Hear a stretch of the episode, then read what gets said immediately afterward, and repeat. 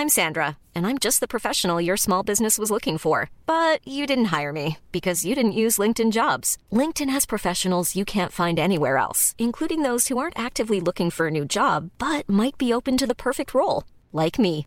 In a given month, over 70% of LinkedIn users don't visit other leading job sites. So if you're not looking on LinkedIn, you'll miss out on great candidates like Sandra. Start hiring professionals like a professional. Post your free job on linkedin.com/people today. Hi, I'm Daniel, founder of Pretty Litter. Did you know cats tend to hide symptoms of sickness and pain? I learned this the hard way after losing my cat, Gingy. So I created Pretty Litter, a health monitoring litter that helps detect early signs of illness by changing colors, saving you money and potentially your cat's life. Pretty Litter is veterinarian developed, and it's the easiest way to keep tabs on your fur baby's health right at home. Go to prettylitter.com and use code ACAST for 20% off your first order and a free cat toy. Terms and conditions apply. See site for details.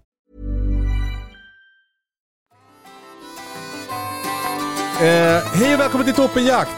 En podcast om jakt och manlig vänskap. Eh, jag heter Kalle Zackari Wahlström. Hej, hej, hej, och med var jag Lex. Hej Lex! Ja, jag klev in där. Hej Kalle, tja. Hur mår du? Eh, bra, hur mår du? Eh, ja men ganska bra. Vi, vi, vi filmar och barnen är hemma från förskolan, vilket ju liksom kan vara kul. Men, men eh, just nu när vi ska spela in så, fick, eh, så vill Björn väldigt gärna vara med mig. Och det kan man ju förstå. Ja, Eller vad man ska säga. Men det var svårt att, att jobba samtidigt. Det, vi har ju haft så de senaste, alltså så alla somrar som, som barnen har levt typ, så har vi filmat. just det. I år ska vi eh, vara lediga i juli som en, liksom en vanlig familj. Men det är en vecka kvar. Just det. Så vi kämpar på. Ja, men det är bra kämpat ju. Jag får, Mm. det, blir, det blir lite såhär pappahjärtigt. Pappa. Ja. ja, exakt. Och det är svårt att stå emot tycker jag. Men, ja, men det fattar jag. Ja, Alltså du sa precis innan vi började spela in så här, att det är gränssättning. Att det, vi har ju en grej som vi håller på att öva på. Alltså, just vi, det. så, så, alltså som vi pratar mycket om och som vi, vi försöker implementera i våra liv. Alltså, Ja. jag tror både du och jag. Men Ja. det är bara så jävla svårt. Alltså, Ja, jo, men som du säger, ju- i teorin är det ju så enkelt. Det är, man, Ja. det är bara att sätta gränser även som vuxen. Alltså för, Ja. för sitt eget. men i praktiken va. Ja. ja men det, alltså, det är så lätt att tänka, säga så här, men säg bara nej. Nu, nu måste jag jobba. Mm. Så bara, ja men, liksom, barnet finns ju kvar även när du har sagt det. det är inte som att det försvinner. Eh, du, idag är det ett speciellt avsnitt. ja, Alltså vi tänkte prova en ny grej i podden och det är att det här avsnittet ska inte handla så jättemycket om något annat än dig. Ja, men, ja precis. Det lär ju bli lite... Det kan ju smyga in eh, jakt och sånt också. Men, men ja, precis. Mm, ja, Det- ja, alltså, det alltså det lite kan handla om jakt men det handlar det är utifrån, utifrån dig liksom. Ja. Det är så jävla spännande. Ja. Eh, vad... alltså vi ska få lära känna dig idag. ja, men jag tänker så. Jag tänker att... Eh, alltså när man ändå håller på och tar en massa ja, plats, men man tar liksom tid i en eter som... Eh, som någon lyssnar på.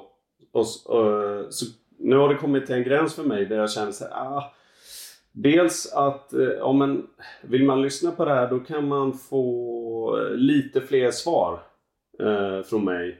Och, för det har blivit som en sån vana så långt i mitt liv att liksom eh, hålla inne med vissa grejer eller att eh, liksom prata bort vissa grejer och sådär. Eh, Just det. Och, och dels så är det väl också som en så här, ah, får ju passa på, lite ego-grej också, att passa på om det nu är någon som lyssnar så är det ju ett jäkligt bra sätt att öva lite sårbarhet och sånt. Alltså lite så Ja, kul. spännande grej också. Men och det, det är väl också så att man kommer ju få veta vad du har jobbat med idag. Det är många Ja. som har frågat det. Ja, precis. Ja. Ja. Kan... som, att, som att det är så här en riktig bubbla-fråga. Ja, ja men det, det tror jag att det är för många. det alltså man undrar ju. Ja. Men, men vi kommer dit sen. Ja. Eh, eh, ska vi börja från början eller? Ja, det gör vi. Vad, vad, berätta, vad, var växte du upp? Jag, eh, jag är från eh, västkusten. Jag växte upp ute i Göteborgs skärgård.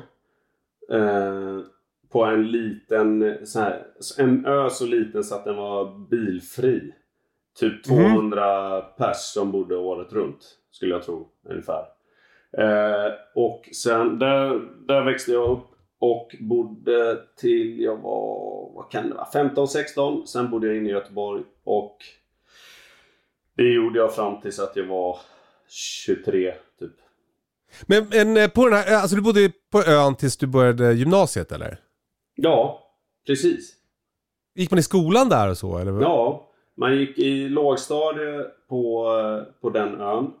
Eh, Det var, ju, det var ju den tiden liksom. Det var ju så här. Jag för mig att jag gick någon promenad liksom där någon och mina föräldrar säger bara checka. Har du typ hyfsad koll här nu liksom på vart du ska? Ja, det har jag. Bra. Första skoldagen, då gick man ju dit själv liksom. Alltså det, Ja. det är så, det är ganska stor skillnad mot hur många har det idag i alla fall tänker Det jag. var ganska exotiskt ju. ja, ja. Väldigt naturligt var det då. Ja men det är ju lätt på en ö för du, du kommer liksom inte komma någonstans. Nej, alltså det är, jag tänker att den största grejen eh, mina föräldrar typ eh, det, var- det var väl att ta sig över rädslan att när man var ute och sprang själv liksom. eh, Med vatten överallt. Ja. Och det, Du lärde sig simma alltså det- tidigt typ. Ja, precis. Och så får man väl bara acceptera det. Ja, men nu bor, ja, vi bor här. Det, det, det kan vara farligt liksom. Mm. Sen så är det ju lite så här, alltså, precis, man lär sig det rätt fort och är- ja, i ett litet samhälle så är det ju kanske fler vuxna som har koll också. Men jag skulle ändå säga att ofta så var det ju ingen som hade koll för man sprang ju fritt på den ön. Man var ju liksom överallt. Ja. Ja. Hur, hur var uppväxten liksom på, på ön? Mm, ja men det var ju alltså barndomsmässigt så var det ju helt så här eh, lite nästan målbildsmässigt för mig nu när jag blivit vuxen. Den här friheten som fanns liksom i, Ja. i att vara nästan som i ett inhägnat område med mycket ansvar och frihet. Ehm, Mm. Sen är ju liksom eh, skärgården som ort eh, präglas väl en hel, eller präglades väl fortfarande en hel del av att ha varit liksom ett fiskesamhälle som var ganska stängt mot omvärlden. Men det var ju liksom ändå kanske någon generation bak där man liksom fortfarande mindes när det började komma sommargäster och när man ens på flera av öarna ens tillät det liksom. I lite olika etapper. Eh, typ 50-60-talet där tror jag att det började bli så populärt liksom att, att börja, och då var det vissa öar som i, i princip höll stängt liksom.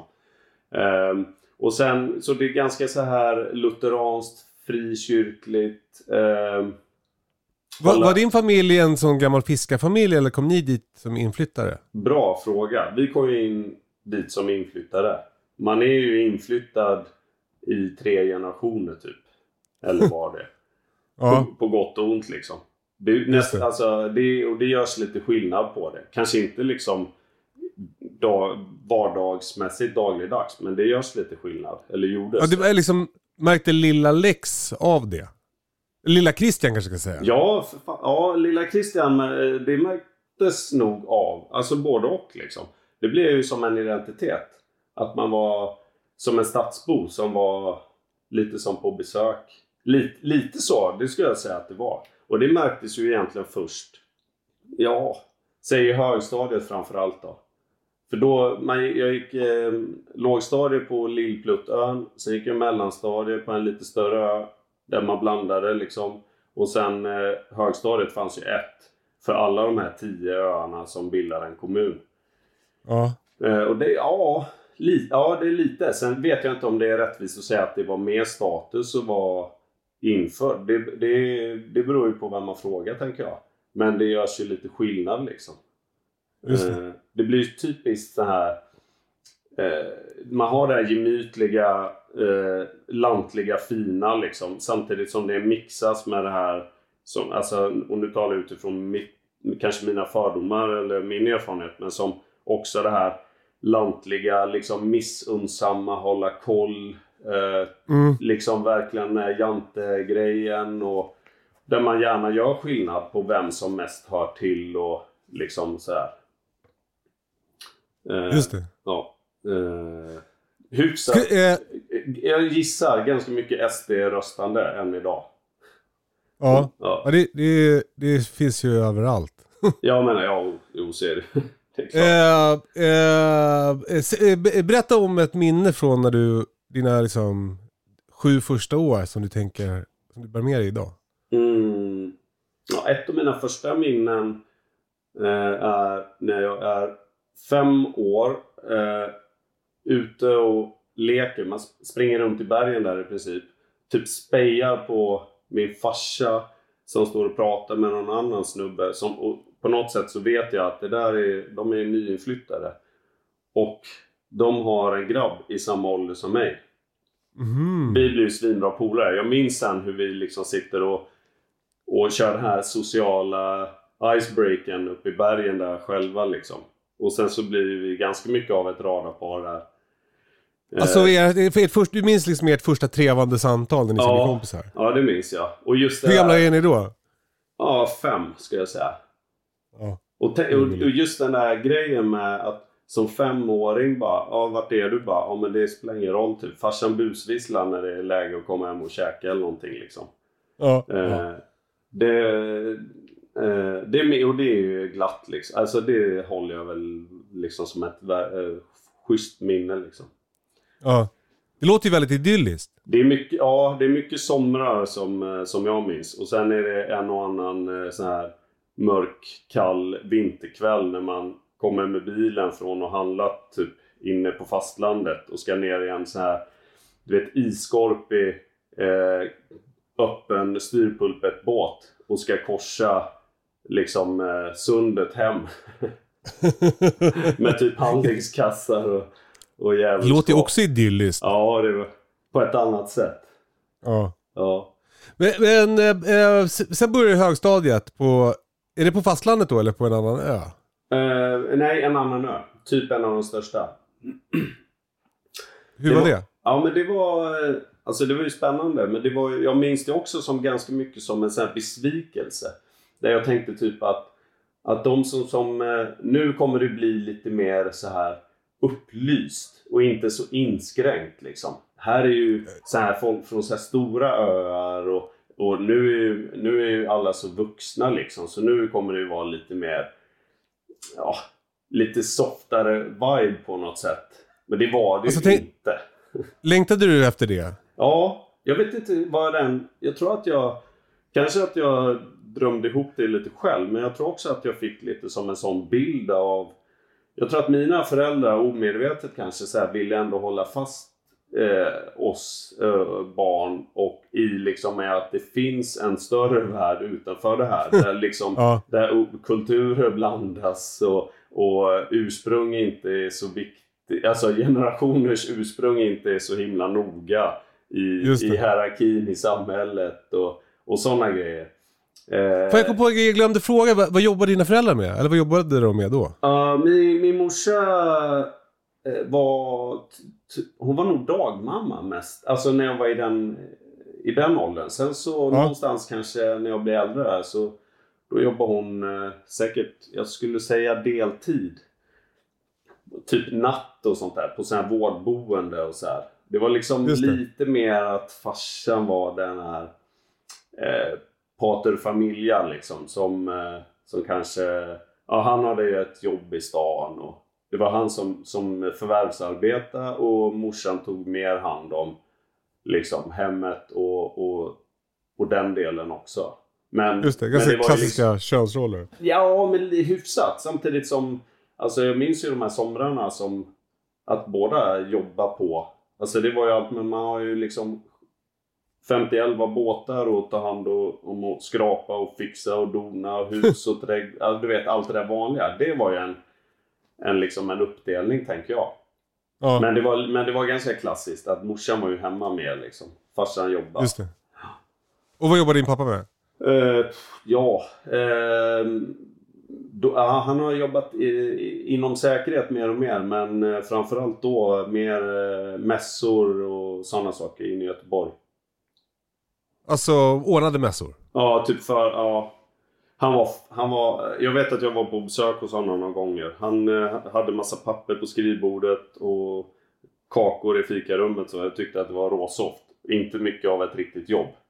Eh, Ja, men alltså jag fattar fortfarande inte vad han jobbade med riktigt. Och, Nej. Gjorde, var det för att du inte gjorde det eller? Ja men, Eller jo, men han säga? var nog någon sorts förman och sen var han säkerhetschef. Han slutar väl eh, som säkerhetschef på eh, Gothia Towers och eh, mäss, alltså Göteborgs eh, Svenska Mässan. Eh, under, medans, när jag fortfarande liksom bodde hemma och sånt. Sen jobbade han vidare som, eh, med säkerhet framförallt i Göteborgs kommun och i, även privat och sådär. Okej. Yes. Jag fattar. Ja, tillbaks till högstadiet. Du, du, du började där på högstadiet och blir lite besviken. Ja, lite. Det var liksom inte så himla... Eh, eh, det var inte som jag hade förväntat mig. Utan det var liksom... Eh, kanske den klassiska liksom.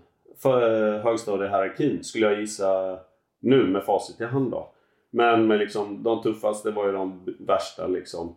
Och, och eh, hierarkin var väl fortfarande lite liksom, ju längre du har bott där ute desto bättre är du liksom. Och Ja. inte så mycket sportgrejen och sånt. Eh, utan det var väl mer eh, alltså fetast moppe, supa mest. Eh, alltså sådana saker som liksom gällde. Just det. Och vem blev du i det sammanhanget? Jag blev den här snubben med massa bra kompisar. Massa fina människor. Men också lite så här utanför samtidigt.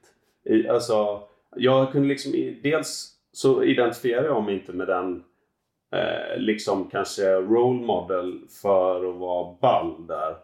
Eh, utan snarare kände jag att jag nästan ville göra revolt mot det. På ett, på ett jävligt försiktigt sätt. Jag var ganska försiktig och, och skraj av mig liksom. Eh, Jaha. så att det var lite som att jag både sen mobbades av några och hade också massa bra kompisar. Eh, Mm. Och ganska mycket så här så eh, när jag tittar tillbaka på det så var kände jag, jag kan lägga ganska mycket skuld på mig själv där att jag, om jag hade stått på mig mer så hade jag haft li, väldigt lite problem med det som jag tyckte var jobbigt liksom. Men jag var inte tuff nog liksom för det, vilket gjorde att det var lätt att eh, eh, sätta sig på mig då liksom. Samtidigt som jag liksom inte helt kände mig ensam. Jag kände mig ensam i det. Eh, men jag kände mig inte ensam som alltså, människa om man säger så. Men det var ju så. Hur, hur... Ja, fortsätt. Ja, eh, ställ gärna en fråga. Hur, hur, eh, liksom, hur såg det ut det här när de satte sig på dig? Ja, men det var framförallt, eh, framförallt så var, minns jag en snubbe som eh, jag skulle säga att han eh, förmodligen själv ville ta sig upp i, i hierarkin i sitt, liksom Ja. i sin klick, liksom sitt sammanhang. Och kunde ganska enkelt pointa mig som svag i det, i, i vad är det som han hade verktyg för liksom. Eh, För att jag inte riktigt satte mig upp mot honom. Vilket gjorde att han sökte upp mig mycket och tryckte ner mig och, och, och det, var, det var ju jobbigt eftersom att jag inte... Det var ju så jävla kränkande och förnedrande samtidigt som de som, många som var mina vänner kunde nog inte alltid förstå liksom hur jag, hur jag kunde låta det ske. Men för mig Nej. var det ju så förlamande läskigt liksom. Eh, samtidigt som jag fick ju, det var ju, jag fick ju stöd av flera i det med. Men det var ju ändå en sån där grej som var lite så här. Eh, det var ju ja, typ pinsamt och skämmigt. Det var ingenting som jag pratade om typ säg med mina föräldrar eller någonting. Utan det blev Okej. egentligen bättre först när eh, om en, när en lärare till slut upp, började uppmärksamma det. Liksom. Mm. Eh, och det var nog tack vare någon klasskamrat eller något som liksom uppmärksammade den läraren. Och jag minns hur det bara hon, hon lite otaktiskt eh, så sökte upp mig i klassrummet. Blir så offentligt då. Och hur, tårarna bara brände liksom. Ja, Eh, samtidigt som man liksom Stackars inte vill prata med läraren om det inför alla andra. Nej, det. Eh, men det börjar ju ändå med, alltså då ledde väl det till något så här samtal med rektorn och alltså både med honom och ensam liksom och sådär. Och efter det så märkte man att han hade, framförallt han då hade fått en, vad ska man säga, ganska klar signal på att det där är du fan i liksom. Eh, Nu Ja. har vi koll på dig typ. Men, Lät han bli då? Ja, det gjorde han ju. Men själva liksom, terrorbalansen ligger ju kvar ändå. Men, men eh, det här hoten om våld eller försök till våld, eller vad man ska säga, det uteblev ju med då. Mm. Eh, vilket var superskönt. Eh, men mycket av det... hette han? han hette John.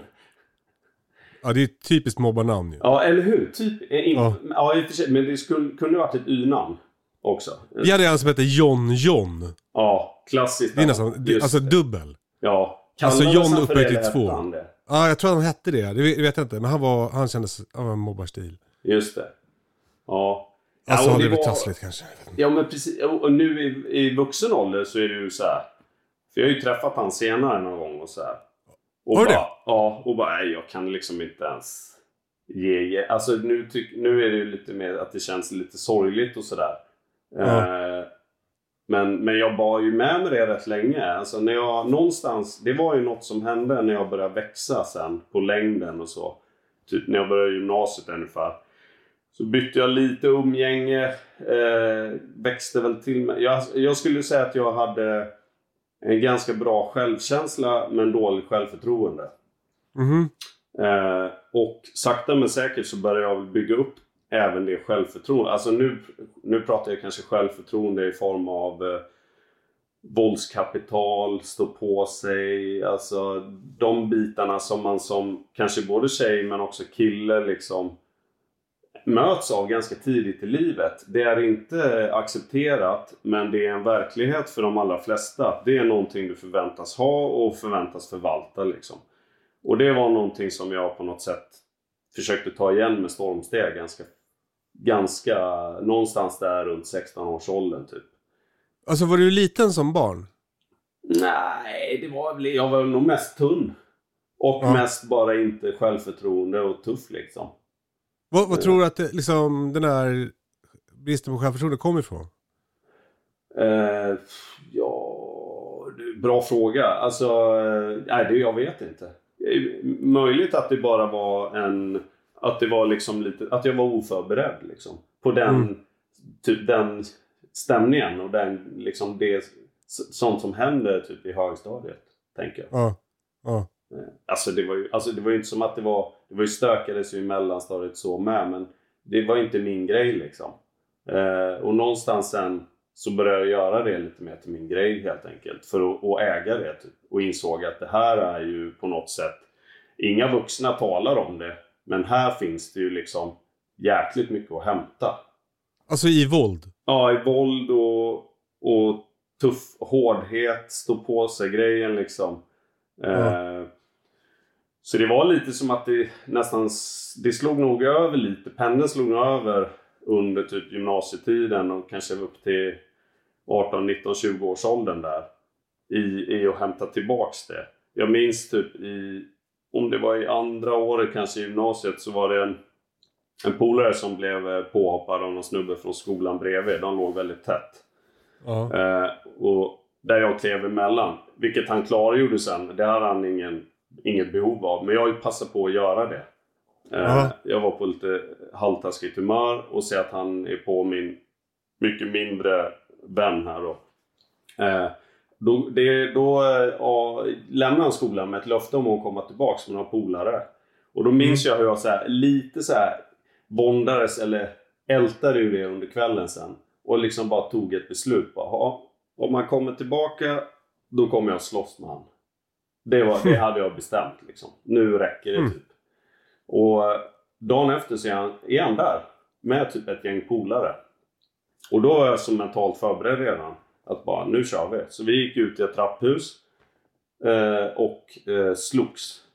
Och det slutade väl med att, att eh, jag avslutade det slagsmålet. Och gick ju därifrån som en ny människa.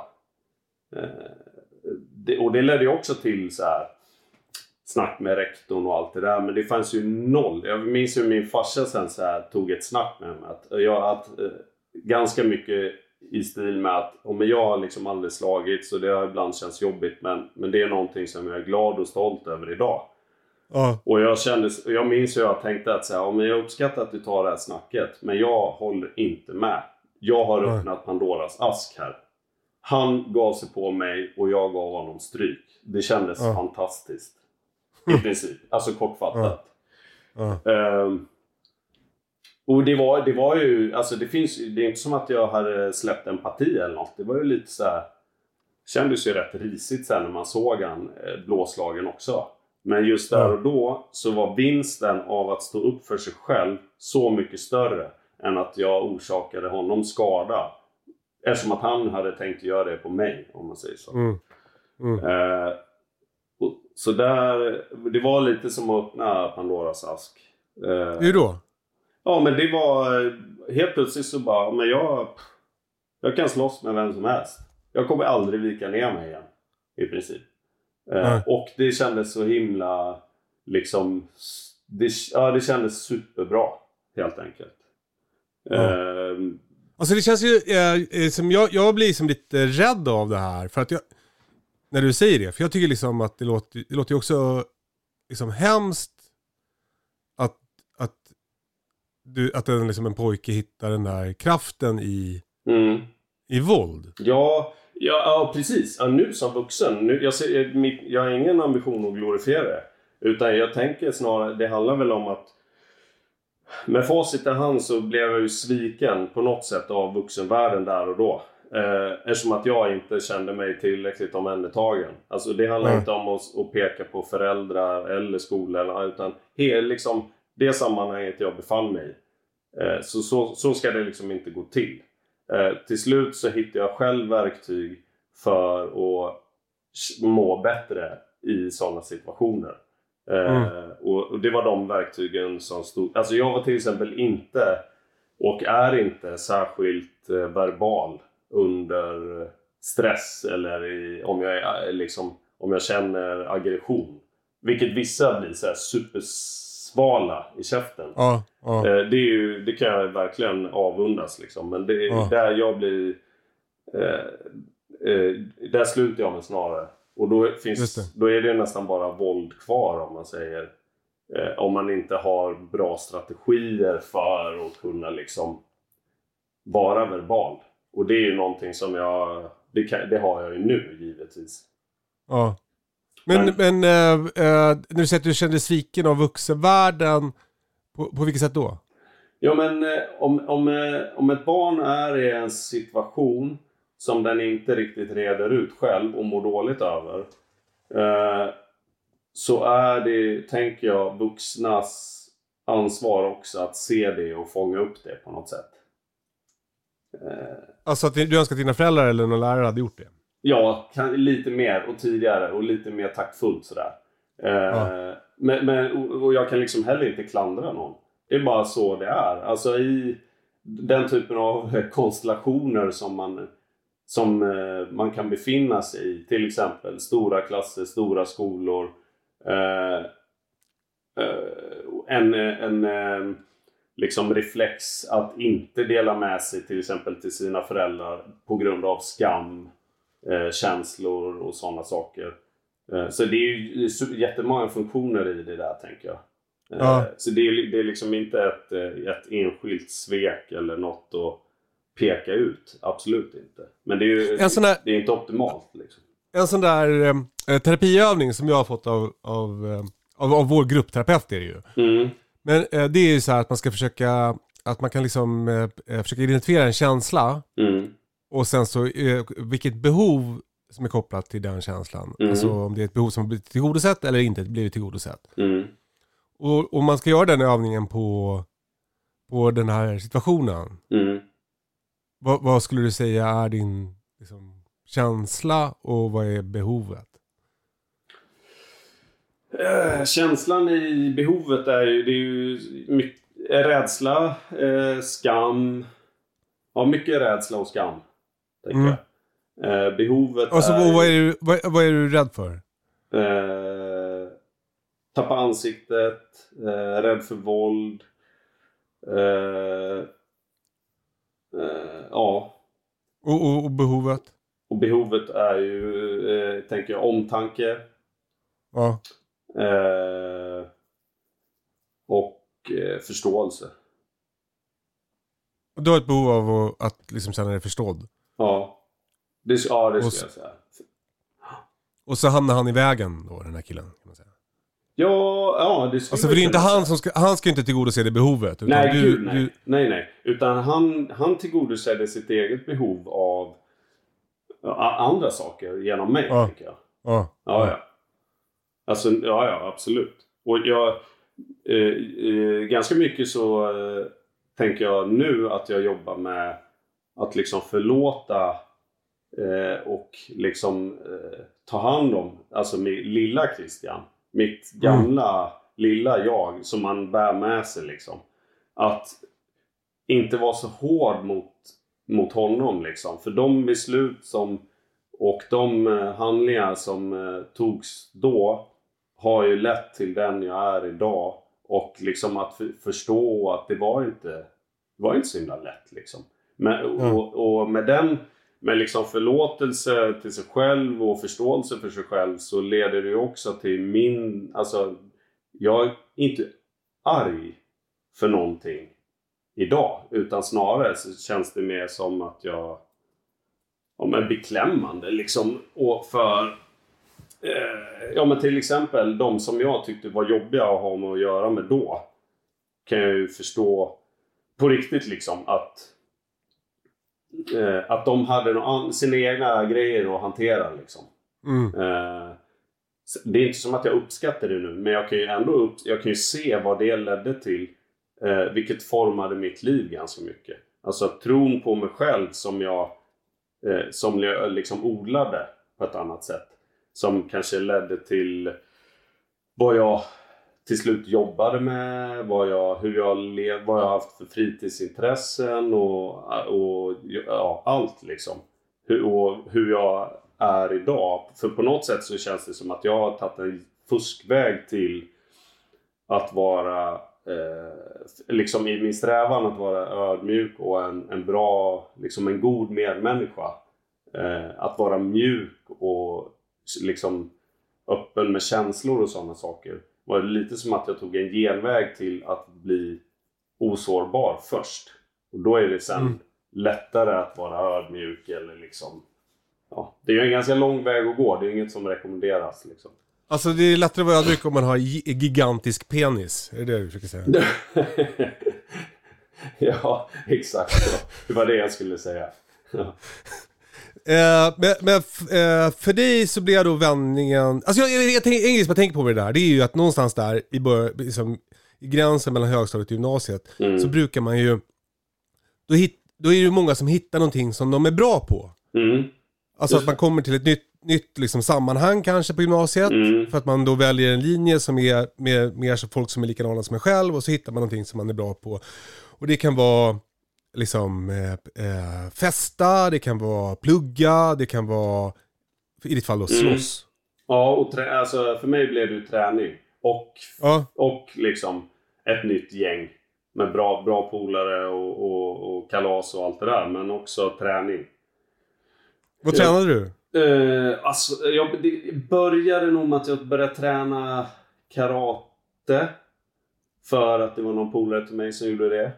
Eh, och så började jag styrketräna och springa.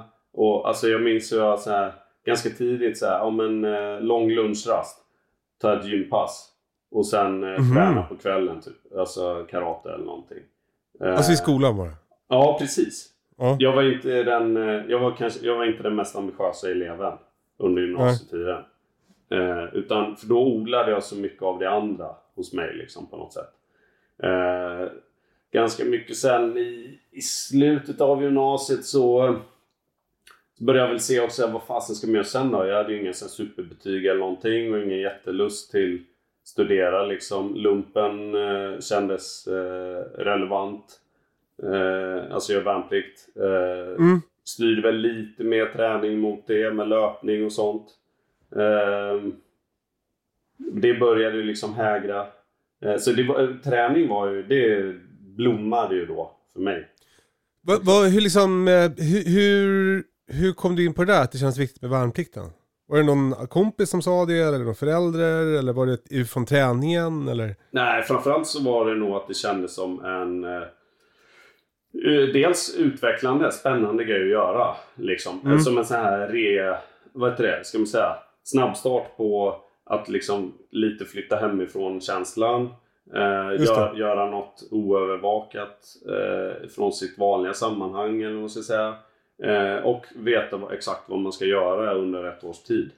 Mm. Eh, det var nog mycket i det. Sen fanns det säkert också, jo, jo det, det fanns väl också någon bild hos mig av att det var eh, bra liksom.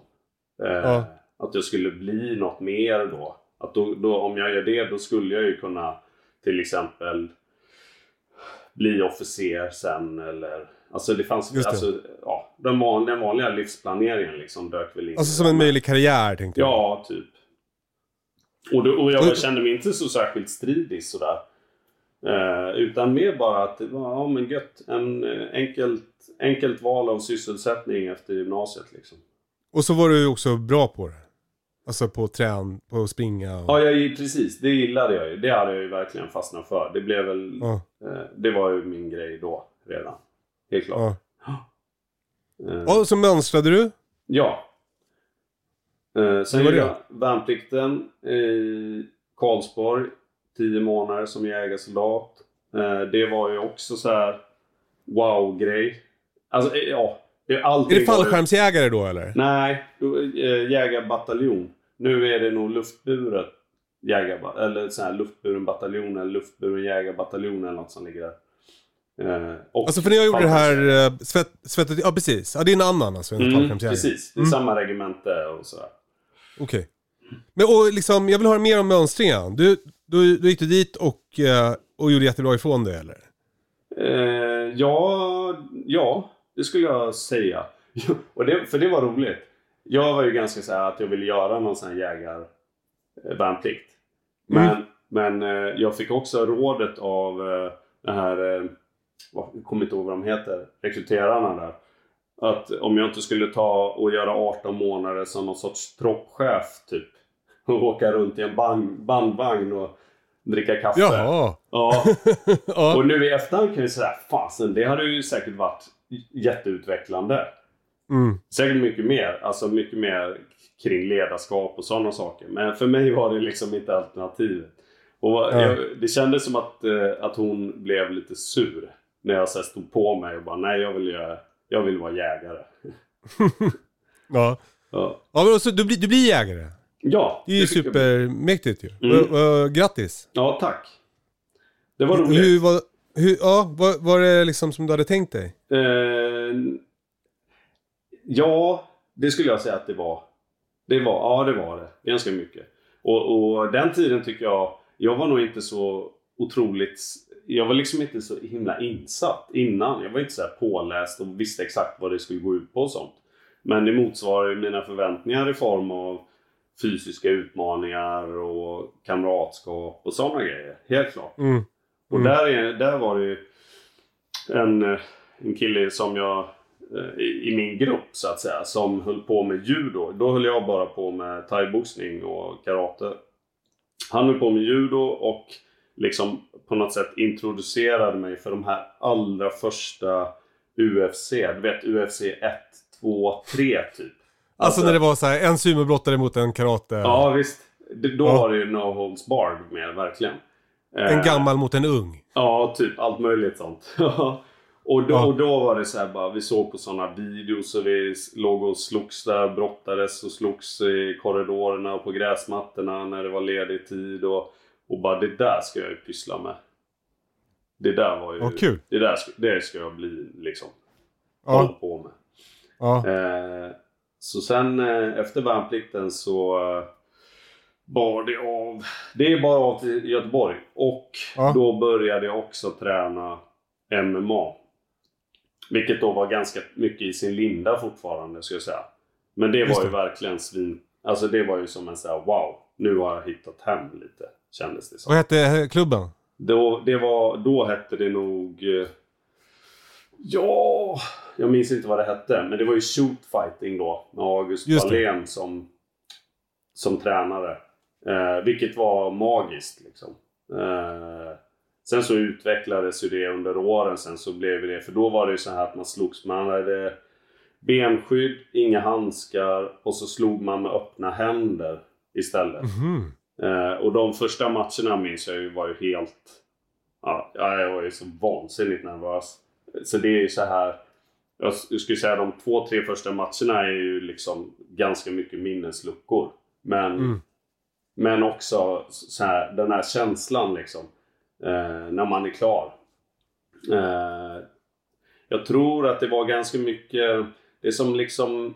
Eh, ja, vad ska man säga? Engagera, eller det som liksom trollband mig så mycket var väl att... Jag hade ju tyckt att allt sånt där var så himla läbbigt. Och jag hade tyckt Ja. att det var jobbigt att tävla. Alltså det här med, jag hade liksom inte så bra självförtroende. Nej. men när man ger sig in i det där, det finns liksom inte så mycket värre. Eh, så att det är liksom lite jobbigt för alla. Och, Ja. och, och jag tror att eh, faktiskt undermedvetet med så var det så här, men klarar jag det här då klarar jag ju allt. Liksom. Mm. Här, nu ska vi, jag och en annan snubbe, vi ska förbereda oss bäst vi kan. Sen ska vi gå in i en bur eller i en ring och slåss. Liksom. Mm. Och vi slutar inte slåss förrän tiden är slut eller förrän, förrän det är klart. Liksom. Mm. Mm. Eh, och det var jäkligt befriande. Just att då var det... Men det, kan, det blir inte värre än så här. Utan då, är det, då började jag ju sakta men säkert inse att för mig handlar det inte så mycket om att hantera nervositet och rädsla. Utan det handlade mycket mer om att eh, acceptera det. Att bli vän med det. Mm. Just det. Så att det, min- att det. Alltså alla är nervösa. Det finns liksom inte... Ja, men precis. Lite så. Eh, Och sen, och sen i takt med att tiden gick liksom och att det blir mer och mer sport av det. Alltså det blir mer allmänt känt och mer, fler utövare och fler. Då blev det ju mer och mer bara känslan av att det var en sport. Mm. Eh, ändå. Men, men just Mm. så som det började för mig så det var det ju ganska mycket att man skulle slåss. Och sen blev Just det ju mer med att man skulle tävla. Eh, Så, så för mig blev det ju väldigt mycket utveckling mentalt och sånt. Till att kunna gå till... Alltså många av mina mesta, bästa matcher då kunde jag liksom acceptera nervositeten och ta emot den som någonting positivt. Och inte försöka kämpa emot den utan ta det som att det här är kicken, det här är härligt. Eh, och eh, snarare hålla fokus på hur, det, hur jag ville att det skulle kännas. Typ. ja. Och att eh, känslan av flow kunde jag liksom så starkt föreställa mig och det var det jag var ute efter att uppnå i match. Eh, liksom en ren flow-känsla. Och bara, bara prestera. Och en del av den känslan är att vara nervös innan. Ja, på något, precis. Ja, på något sätt. Att övervinna det liksom är ju en stor Ja. del av matchen. Typ. Att bara slåss liksom. Alltså det gör man ju när man förbereder sig för, för matcher. Alltså det gör man ju tusentals timmar liksom. På, Mm. på träning också. Mm. Eh, det blir inte så... Det blir inte så, vad ska man säga, dramatiskt till slut. Alltså det var aldrig en fokus för mig i alla fall. Typ att säga, åh det här kommer nu, tänk om jag skadar mig eller aj vad ont det kommer göra eller... Utan det var ju mer som efteråt när man säger, åh jäklar just det ja. Skenbenen, det gör ju svinont sen när man har sparkat Ja. upp några gånger och liksom... Eh, man, svårt att stänga munnen och... Du vet, man slår sönder fingrarna på sig själv och något öga går inte att öppna längre ett tag och så här. Det var, det var bara biprodukter av liksom formen för att uppnå den här härliga känslan av flow och eh, urladdning liksom. Det är ju väldigt speciellt alltså. Ja, Alltså för jag menar att skada sin kropp, det, det är ju ändå, det är hyfsat högt upp på, det är top of mind kan man ju säga för många.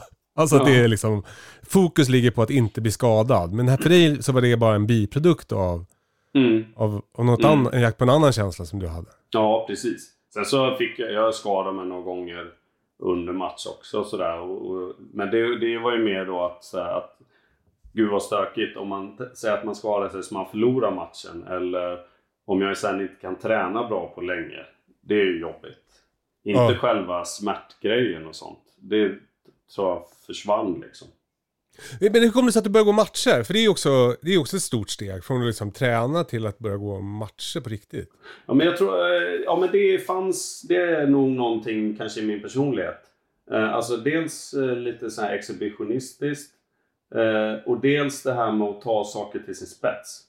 Ja, Liksom. Att, att göra saker fullt ut på något sätt. just det. Jag kunde nästan, in, inte riktigt avundas, men jag kunde ändå säga andra som, vissa som jag tränar med som bara, nej men jag, jag tränar, jag tycker det är kul liksom. Men jag, Mm. jag kan inte komma till jobbet på min bank sen med blåtira liksom. Eh, Nej. ut- utan jag tycker det här är lagom liksom. Ja. Ja, och det är bara, ja, gud, soft liksom. Men, men Ja. jag hade inte det... Ja, alltså jag behövde lite mer helt enkelt. Och eh, när jag väl slutade gå matcher sen 2012 gick jag väl sista matcherna, eller matcher, jag minns inte hur det var, men 2012 då var det svårt för mig att fortsätta träna sen. För det var ju Ja. verkligen som att, då var jag tvungen att kväva den elden lite liksom. Eh. Jag kan ju fortfarande drömma om att, att gå in i en bur mot någon som är duktig på att slåss. Men jag har inte riktigt längre lust att förbereda mig så. Alltså lägga Se till bara, vi kan, köra, vi kan köra när vi vill. Jag skojar Ja, tack. Det är gulligt. Du, eh, du jobbade inte på bank då. Vad, vad jobbade du med? Ja, eh, efter värnplikten så gjorde jag ett par sådana här flackiga år och jobbade lite som, i, som dörrvakt och väktare och jag läste kostvetenskap. Insåg att det här är ju jävla kul att läsa men det är ingenting jag vill jobba. Jag vill liksom inte hålla på och planera måltider på ett äldreboende eller någonting. Tänk, tänkte jag. Nej. Eh, så då... Då hade jag haft en tanke som hade legat och lurat liksom. Eh, och då bestämde jag mig för att söka till Polishögskolan. Mm. Jag minns att jag var i Thailand och tränade eh, i några veckor. Och sen tänkte jag så här att när jag kommer hem nu, om jag får avslag på den här ansökan, då lär jag åka hit för att stanna. Och så försöka hanka mig fram här ett tag liksom. Mm. Mm. Men när jag kom hem så hade jag ett brev att jag var antagen. Eh, Så då började jag Polishögskolan 2004. Men fan, jag måste bara liksom eh, stopp, eh, b- gå Ja. tillbaka där till det här Ja. stanna i Thailand. För det, det låter ju som att du var väldigt självgående. Eh, Alltså hur ja. gammal är du? 20, 22? Ja, då, nej, då var jag ju 23. Fyllde 24. Ja, 23 var jag. Ja i och för sig, fick ju Eh, så då, var då hade jag flyttat hemifrån och, och liksom eh, ja, skötte mig själv. Just det. Ja, jag flyttade Alltså det låter bara mäktigt eh, liksom. när- Hade du någon kompis i Thailand eller? Nej, jag- jag- nej, inte första gången jag åkte dit. Utan då hade jag koll på vart jag skulle och sånt genom mina liksom, eh, kompisar hemma. Och fått Ja. lite råd och tips och sånt. Och så tog de mig till ett gym som jag, som jag liksom hade hittat innan. Liksom. Ja. Eh, Och då sa hej jag heter Christian, jag skulle vilja träna här. ja, och så får man liksom bara ställa in sig på... Alltså man gör, får göra som de säger och... Alltså, för, om, alltså om de ska tycka att det är kul att träna en, liksom, en eh, västerlänning som bara kommer sådär eh, i vuxen ålder liksom. Då, Ja. då får man bara hålla käften och göra som de säger om man säger så. Och efter ett tag Okej. så märkte de att okej, han menar allvar. Eh, och kanske liksom e- engagera sig mer och mer i den. Alltså Mhm. det kan ju se väldigt olika ut. Jag tänker mig idag finns det ju liksom väldigt kommersiella gym att åka till som är kanon liksom. Alltså det är, Mm. man, och så får man lite standard efter hur mycket man kan betala för sin träning. Och, eh, det finns ju mer MMA-gym och allt möjligt nu än vad det fanns då liksom. Ja. Men då var det, jag var på, då var jag på nå, ett gym i Chiang Mai. Det var inte jättemycket västerlänningar och sånt där liksom. Fan vad hårt det låter. Ja, jag vet. Alltså det var ju, det var ju grymt liksom. Det, var, det är ju Soldiers Life-grejen följer jag ju för mycket då. Det här med att så här, med äta, träna, sova och återhämta. That's Just it. Enkelt Ja. liksom. Ja. Inte Ja. så mycket krusiduller runt omkring liksom. Alltså inga småbarn. nej, nej. Alltså varken brudar eller småbarn eller, eller alltså ingenting. Bara fokus liksom. Ja. Var det mycket brudar för dig i Göteborg när du var 23? Ja, alltså vad är mycket liksom när man är 23? Alltså normalt Okej. mycket. Om, om säger, säger man sådär då var det mycket. Nej. Du, eh, okej, du kommer in på Polishögskolan. Ja. I Göteborg. Ja. Nej. Eh, Du, I Stockholm. I Stockholm? Ja, det fanns ju Stockholm, Okej. Stockholm, Växjö, Umeå. Jag tror inte de hade Okej. börjat med distans då. Kanske att de gjorde Nej. det på försök lite. Men jag var nog ganska så inställd på att jag ville till Stockholm. Jag ville testa Stockholm liksom. Mm. Eh, som stad och sådär. Eh, och det gick ju ganska fort. Jag har för mig att man fick antagningsbesked ganska sent inpå. Som det brukar vara på så här, högskoleutbildningar och liknande. Ja. Eh, men, så, men som tur var så hade jag satt upp mig på någon sån här studentboendekö något år tidigare typ. Ja, Eh, proffsigt. Så att, ja, det kändes råproffsigt då. Så det gick ju bra. Det var ju bara att, att flytta upp. Eh, Shit. och då Var, var fick du bo någonstans då? Då bodde jag i Västra skogen.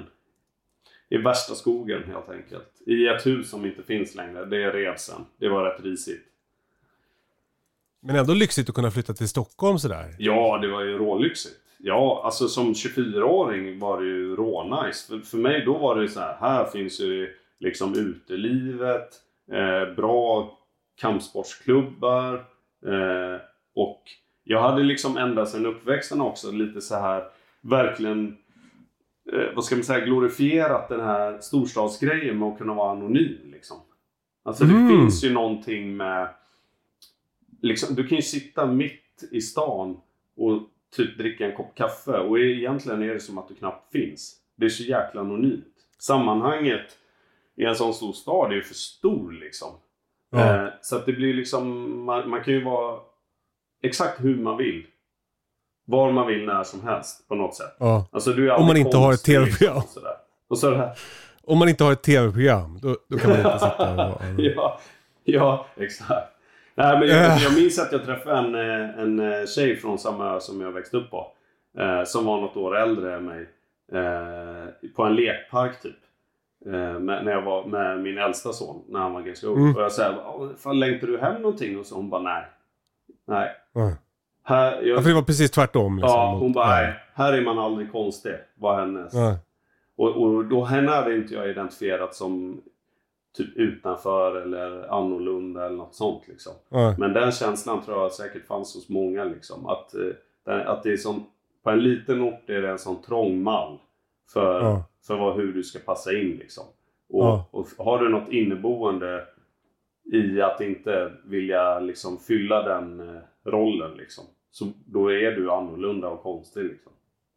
Men det där är ju spännande, för det där finns ju också en väldigt stark kraft i. En drivkraft liksom. Ja. För många som har, ja men typ mitt jobb, Mm. de kommer ju från landet och har känt sig annorlunda Mm. och längtar bort. Och läser, eller läste då så här, liksom, eh, brittiska poptidningar och eh, liksom åkte till Mm. Stockholm och köpte kläder. Alltså Britta Mm. var ju så till exempel. Mm, mm. Eh, Så det finns ju väldigt stark drivkraft i det där, att vilja bort från någonting. Det tänker jag på mycket med, med, med mina ungar nu. Liksom. Mm. Att, att det inte det behöver inte vara något dåligt. Så. Nej, nej absolut inte. Och jag, jag är just, nej, nej, det behöver det absolut inte vara. Jag tänker att Stockholm befolkas ganska mycket av den typen av människor. Alltså Ja, väldigt exakt. många är ju inflyttade på något sätt. Och Ja. alltså, halva Södermalm är ju så på något sätt. Ja, Och, Ja. Alltså att, att man nästan gör som en rent personligt som en liten karriär i det liksom. En bostadskarriär och, man, och umgängeskarriär och allt möjligt liksom i att, att bli en, en riktig storstadsbo liksom. På något Ja. sätt. Ja, det, det kan jag inte klan, Alltså jag kan ju förstå de eh, mekanismerna bakom det helt klart. Men det, du är 24 nu och går på polishögskolan. Du får väl barn här någonstans också? Mm, ja, jag får barn när jag är 26. Okej, Eh, så då har du gått klart polishögskolan? Nej. Eh, jo. jo. Jo, jag har precis eh, blivit klar med aspiranttjänstgöringen eh, och sånt. Vad fick du göra då någonst- någonstans? Då, Så vad eh, var- då jobbade jag inne på Söder. Ja, Eh, då fanns det ju närpolisen. Då jobbade jag på närpolisen eh, på Maria. Närpolisområde. Men Ja. det var, ja. Och då, som aspirant så gör man ju lite allt möjligt. Och sen eh, jobbade jag där ett tag på eh, närpolisområdet. Och sen så ganska fort så startades det upp ett projekt där. Eh, eller då var det som i projektform, någonting som eh, heter Hatbrottsjouren. Eh, som gick ut på att ha en grupp som liksom skulle greppa eh, egentligen alla hatbrott. För att liksom få mer kvalitet i det arbetet. Eftersom att det är en speciell lagstiftning så, eh, så skulle man kunna ha människor som är specialiserade på det eh, och eh, bli effektivare i den, de utredningarna och så vidare. Och så fanns det väl också ett en del i uppdraget då, särskilt i den här projektdelen, var ju också att verka för Alltså lite vara ambassadör också för polisen i de frågorna. Eh, Okej. Så det var ju en svinspännande tid. Jag var väl där i typ ett halvår. Det var ju verkligen eh, Det var ingenting som jag hade liksom såhär, åh det skulle man göra. Utan jag fick typ en förfrågan från då min chef. Eh, om, om inte jag skulle kunna tänka mig det. Och det kunde jag. Och det var en råhärlig tid. För det var ju... Vad- fick man göra då? då? Ja, men Alltså, dels, hur- dels själva projektgrejen. Att liksom ganska mycket ans frihet under ansvar på något sätt. Och att, eh, att, att vara med i, under en uppstart var jäkligt spännande. Men sen Mm. själva arbetet i sig också. Så det var ju, jag arbetade med flera jätteduktiga poliser. Liksom. Alltså duktiga individer som brann väldigt mycket för de frågorna. Och fick Mm. liksom därför också en, en, eh, liksom en sån introduktion till vad ska man säga, sammanhang som inte, jag, som inte var så vardagliga för mig annars. Liksom. Alltså allting som hade med Pride att göra, eh, HBTQ hette det ju då, eh, frågor i stort och gällande polisen och, och även i brottsutredningar och sånt. Eh, hatbrott är ju liksom egentligen en straffskärpningsregel som används. Alltså att om du begår ett brott med eh, ett uppsåt att, att en del av uppsåtet har att göra med eh, främlingsfientlighet eller eh, mot personer med annan sexuell läggning än dig själv eller minoriteter. Eller, och även det finns lite andra sådana här små grejer Till exempel mot åklagare och sådana saker. Okej. Eh, så det, allt, allt det var spännande. Men jag hade också samtidigt så hade jag ju redan på något sätt Egentligen se, sedan jag gick polishögskolan redan också tänkt att säga, nej men jag Piketen, det vill jag ju till liksom. Mm. Eh, Ja, jag tänker om du är liksom så här, jägarsoldat som håller på att slåss jättemycket. Det känns ju som att det, det är som, det är väl som gjort för att gå den vägen. Ja, ja kanske. Det, och det var ju eh, egentligen... eh, Jag tror att man skulle ha jobbat i två år för att ens vara behörig och söka då till eh, nu Stockholms insatsstyrka, då piketen. Eh, och eh, jag sökte nog när jag hade jobbat ett år och fick då veta att du får vänta liksom. Vi kan, Mhm. vi kan liksom inte göra avkall på det utan det, det är Nej. bra att ha lite erfarenhet liksom helt enkelt. Eh, Och då, då fick du jobba vidare ett år och Ja. sen... så då jobbade jag vidare i ja, nästan ett år till. Eh, det gick ändå ganska fort. Jag minns att jag gick eh, utryckningsförarkursen först när jag jobbade på piketen redan. Eh, för sånt där kan, det kan dröja lite. Särskilt när man jobbar i en storstad. Att Ja. platser på sådana utbildningar och så här. Just Eh, det. Så det gick väl ändå så fort det bara kunde gå på något sätt. Men det var ju jäkligt spännande att samla på sig andra erfarenheter innan och nu i efterhand så, så skulle jag ju egentligen kunna vänta lite för det är ju så nyttigt att liksom jobba runt. Ja. Men det var ju verkligen, det var ju som att hitta hem liksom. Det var ju ett Men- There's never been a faster or easier way to start your weight loss journey than with PlushCare. PlushCare accepts most insurance plans and gives you online access to board-certified physicians who can prescribe FDA-approved weight loss medications like Wigovi and Zepbound for those who qualify.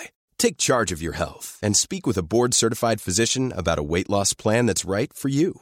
Get started today at plushcare.com slash weight loss. That's plushcare.com slash weight loss. plushcare.com slash weight loss. Millions of people have lost weight with personalized plans from Noom, like Evan, who can't stand salads and still lost 50 pounds. Salads, generally, for most people, are the easy button, right? For me, that wasn't an option. I never really was a salad guy. That's just not who I am. But Noom worked for me. Get your personalized plan today at Noom.com. Real Noom user compensated to provide their story. In four weeks, the typical Noom user can expect to lose one to two pounds per week. Individual results may vary. Det Men- som jag trivdes med. Parallellt med det här så har du fått barn. Ja, precis. Och med en kvinna. Då fick jag barn med en kvinna. Eh, min Hur träffades ni? äldsta son. Vi träffades på en fest. Typ en hemmafest. När jag Ja. gick på Polishögskolan. Sen fick vi barn. Eh, då hade jag jobbat. Ja, jag hade precis. Jag hade börjat jobba som polis. Eh, och vi höll ihop sen i tre år ungefär. Efter att han hade fötts. Ja, Eh, sen så eh, separerade vi. Vi kom, okej. hon, hon, alltså vi kom bra överens och allt det där. Men vi var väl ändå också ganska överens om att vi inte skulle leva ihop liksom. Just det. Eh, så då var det liksom också lite tillbaks till eh, eh, någon form av ungkarlsliv. Varannan vecka-livet helt klart. Så det var, då hade jag ju superstor, alltså väldigt mycket fokus på träning. Fortfarande. Alltså kampsport var ju fortfarande min, min passion i livet. Ja, för nu håller du på att gå matcher och sånt där. Nu är det Ja. liksom... Det gör jag ju då. Och Det är många en- parallella spår här nu, men eh, man- jag bara om de här MMA-grejen. Eh, För du, du satsar ganska hårt på det va? Alltså, Ja, det gjorde jag. Eh, ja, det gjorde jag. Det var ju lite, och det blev ju, men det är kanske, det är en sån här lärdom för livet liksom. Att det var ju det här med att jag har svårt att inte gå all in. Eh, skulle jag ju, jag kanske gick lite mycket all in i, i mycket. Alltså jag fick barn. Jag började jobba på insatsstyrkan, eller piketen då.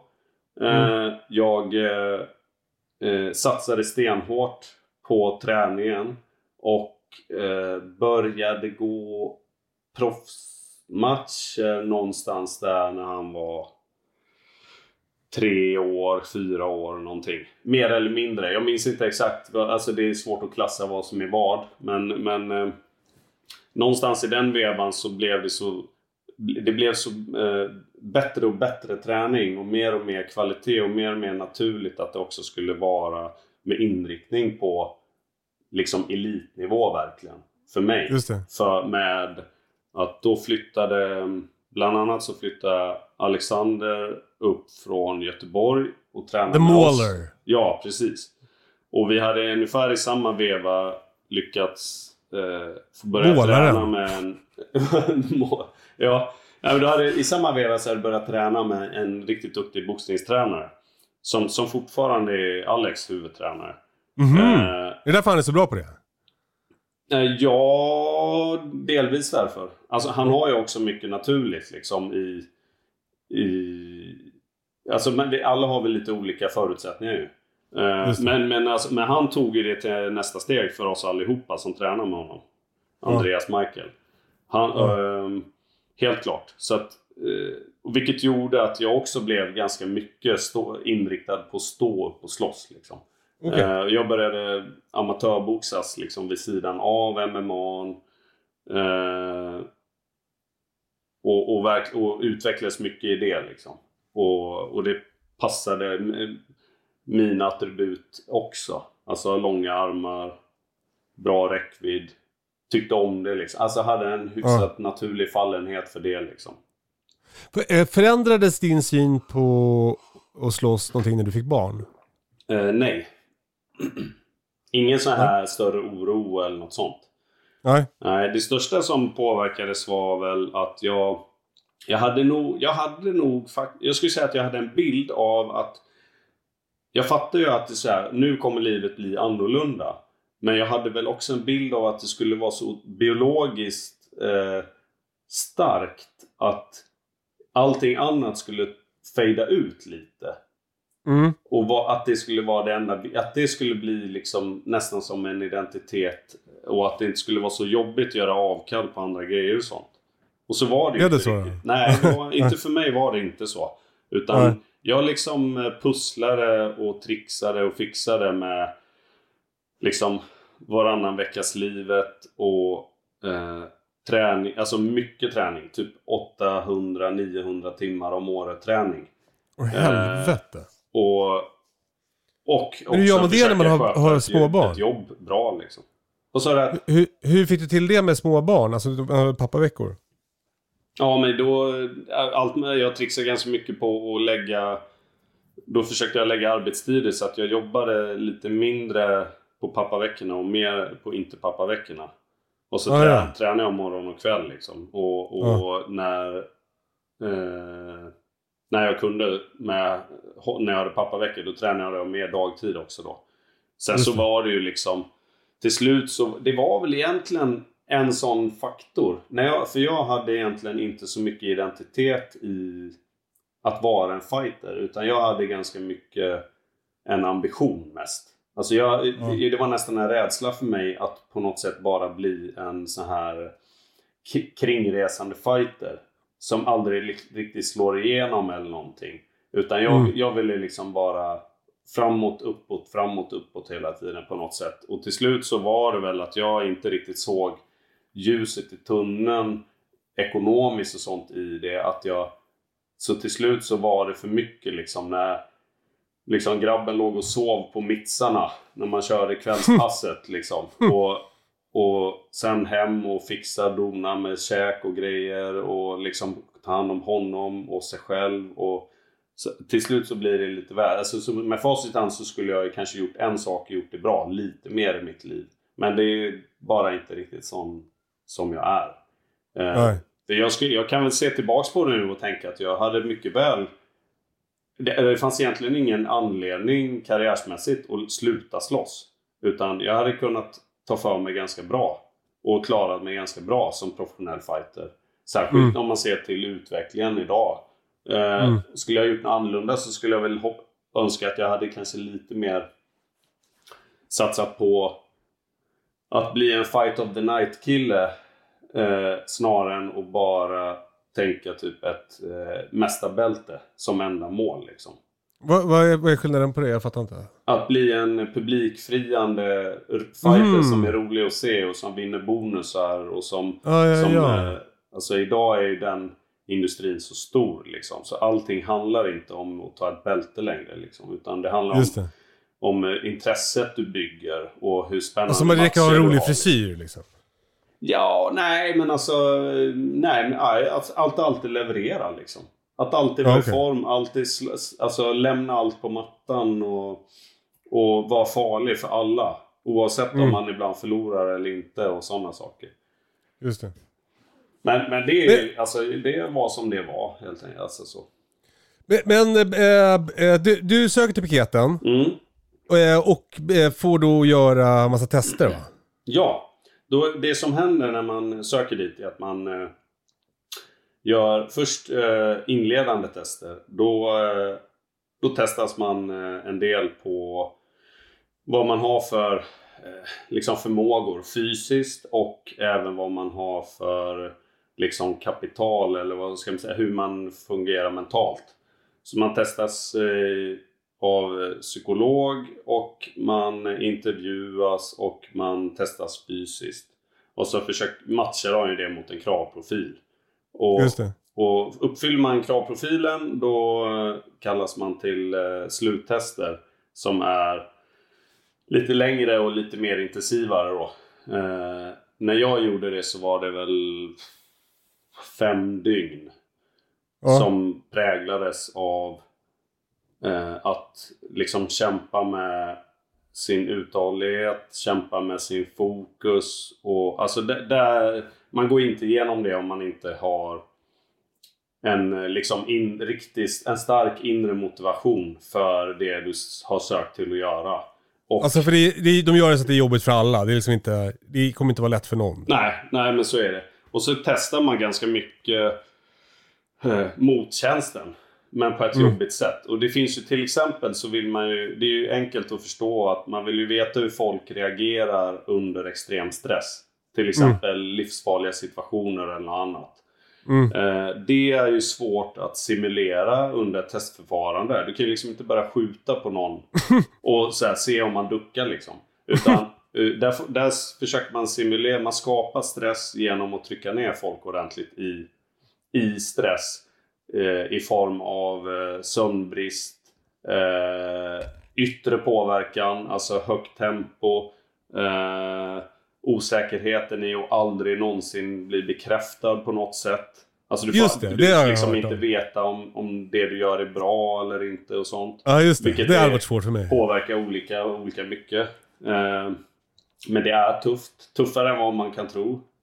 Vad, i- vad, i vad var liksom... Vad var, vad var svårast för dig? Vad var du mest nervös för inför testerna? Alltså vad var din, kändes som din svaghet? Mm, jag vet, jag har någon annan kompis som har gjort det. Han, från honom var det vattenfysen som han var väldigt nervös för. Så. mm. Ja, det var... Nej, jag tror att min... När jag gjorde de testerna så var nog min största svaghet var... Då visste jag... Jag, visste, jag hade liksom medvetet valt att inte lyssna så mycket på an, om, om någon hade något skvaller om hur testerna gick till eller, hur, eller något sånt där. Utan jag gick verkligen in med helt... Jag hade inget... Jag visste inte alls vad jag skulle förvänta mig. Eh, En klassisk let's, let's go-attityd. Ja, lite så. Alltså fysiskt var jag så förberedd ändå. Liksom bara till vardags. Och mentalt visste jag ju liksom inte. Alltså jag kunde inte förbereda mig så mycket på något jag inte visste. Utan det, som, Ja. det, det enda som jag visste var att, att det, nu gäller det att... att jag kommer i alla fall inte ge mig. Just det. Alltså om, utan om jag eh, slutar i förtid på de här testerna så är det för att de plockar bort mig. Inte för att jag Mm. ger upp. Eh, för, och, för det, och det är med facit i hand så är det ju ganska enkelt att säga också att det, är ingen, det där är en viktig mental förberedelse för den typen av tester. Det är att jag kommer inte sluta. Utan Nej. det här, jag gör de här testerna för att de ska bedöma min förmåga. Jag behöver Ja. inte ta ställning till någonting. Utan jag Ja. behöver bara göra Fortsätta. mitt bästa och utföra och, och precis fortsätta. Och då, så kommer Mm. de ta det beslutet. Det är liksom, jag behöver inte, behöver liksom inte anstränga mig i den frågan överhuvudtaget. Det, Var du nära att ge upp någon gång? Mm, nej, nej. Det skulle jag inte säga. Men alltså det var, det var ju... Det var tufft. Måste jag säga. Tuffare än vad jag hade trott. Mycket tuffare än vad jag hade trott. Eh, Säg något minne. mm. Säg något, någon, berätta om en, en scen under testerna. Ja, men när, när man... Eh, jag minns eh, hur, eh, hur det varvades till exempel eh, med, som en teorilektion. Eh, sent in i testerna. Eh, för, och, så, och då får man ju kämpa med att hålla sig vaken och så här grejer. Och det handlar väl om att testa hur mycket information du kan ta in och hur... Och allt möjligt liksom. Och säkert också som en sån här... Där det förbereds massa annat bakom kulisserna eller vad man ska säga. Mm. Och då minns jag ju alltså paj. Att, alltså hur folk liksom eh, ber om att få stå upp för att inte somna och så typ somna stående. Och när man Ja. reser sig upp så har man som brist på sömn och mat och allt. Att det liksom gör ont att räta ut. Alltså musklerna, allt bara gör ont som fan liksom.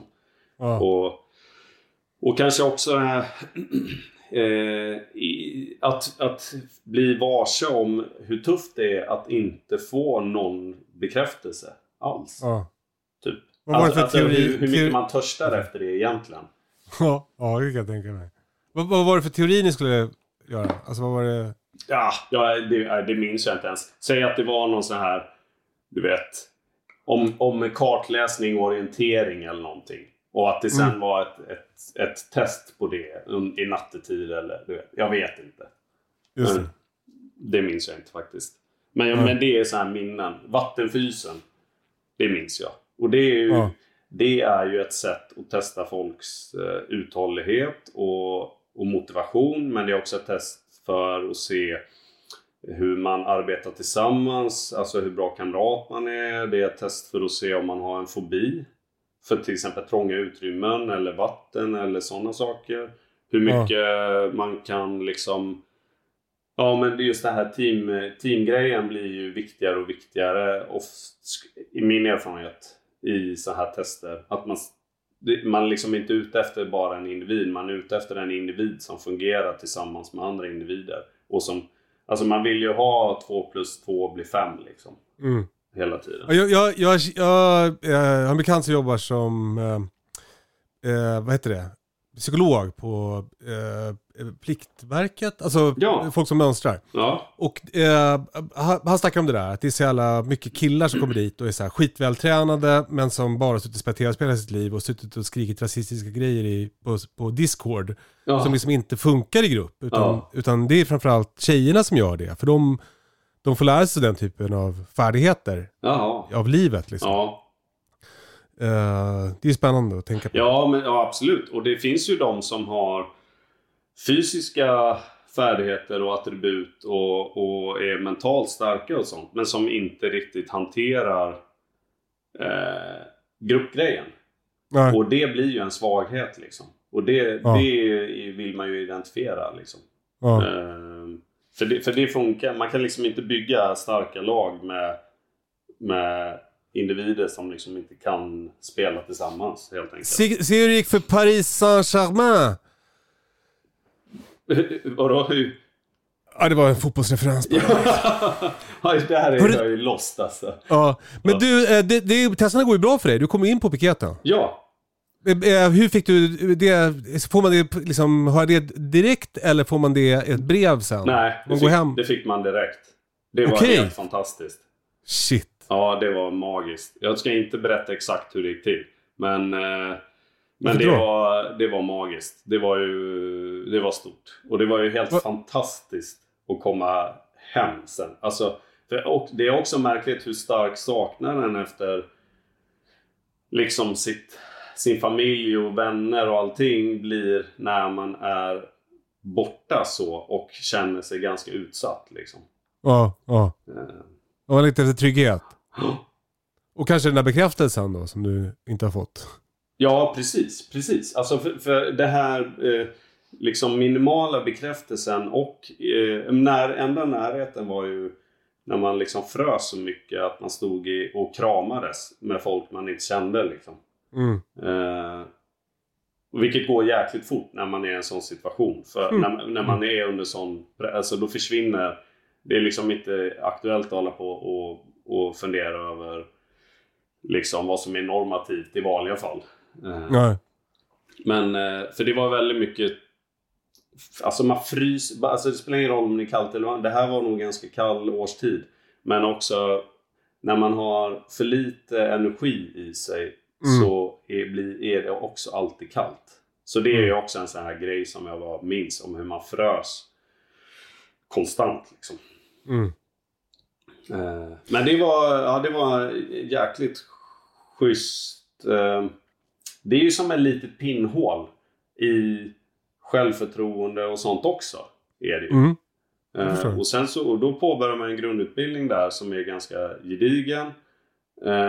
Och då går man ifrån att liksom ha eh, gjort de här testerna och, och tyckte att det var liksom ganska eh, obekvämt till att komma in i en, en superproffsig utbildningsmiljö.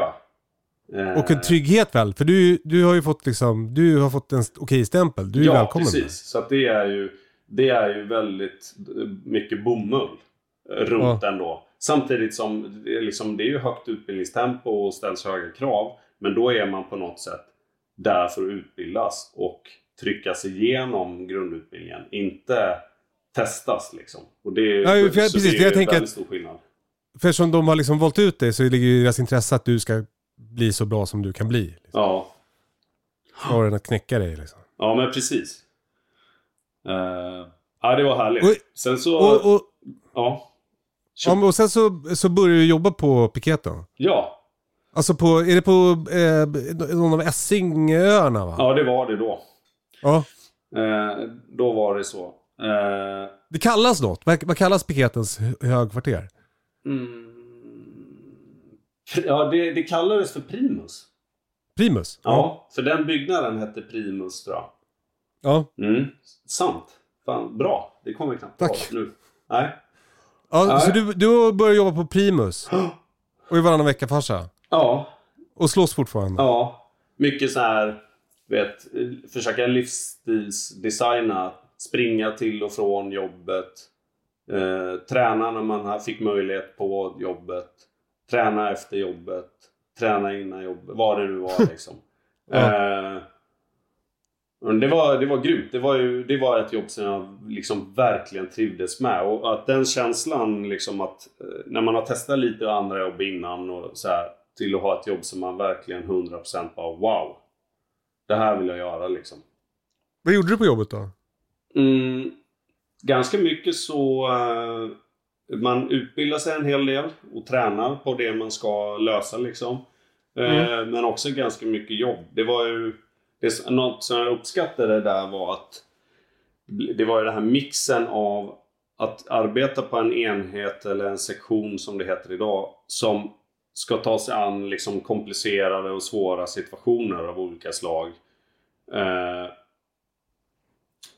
och att det var ganska mycket jobb liksom. Allt möjligt liksom från alla så här, då var det fortfarande lite så här populärt, eller det var ju nästan, Sverige var ju nästan eh, världsledande i värderån ett tag till exempel och sånt. Ja just det, just Så det. då kunde man sitta i försåt på sådana saker när det fanns liksom tips och sånt på det. Eh, allt möjligt så här hastigt uppkomna grejer, mycket tragik men också mycket så här Alltså några sådana Vadå tragik?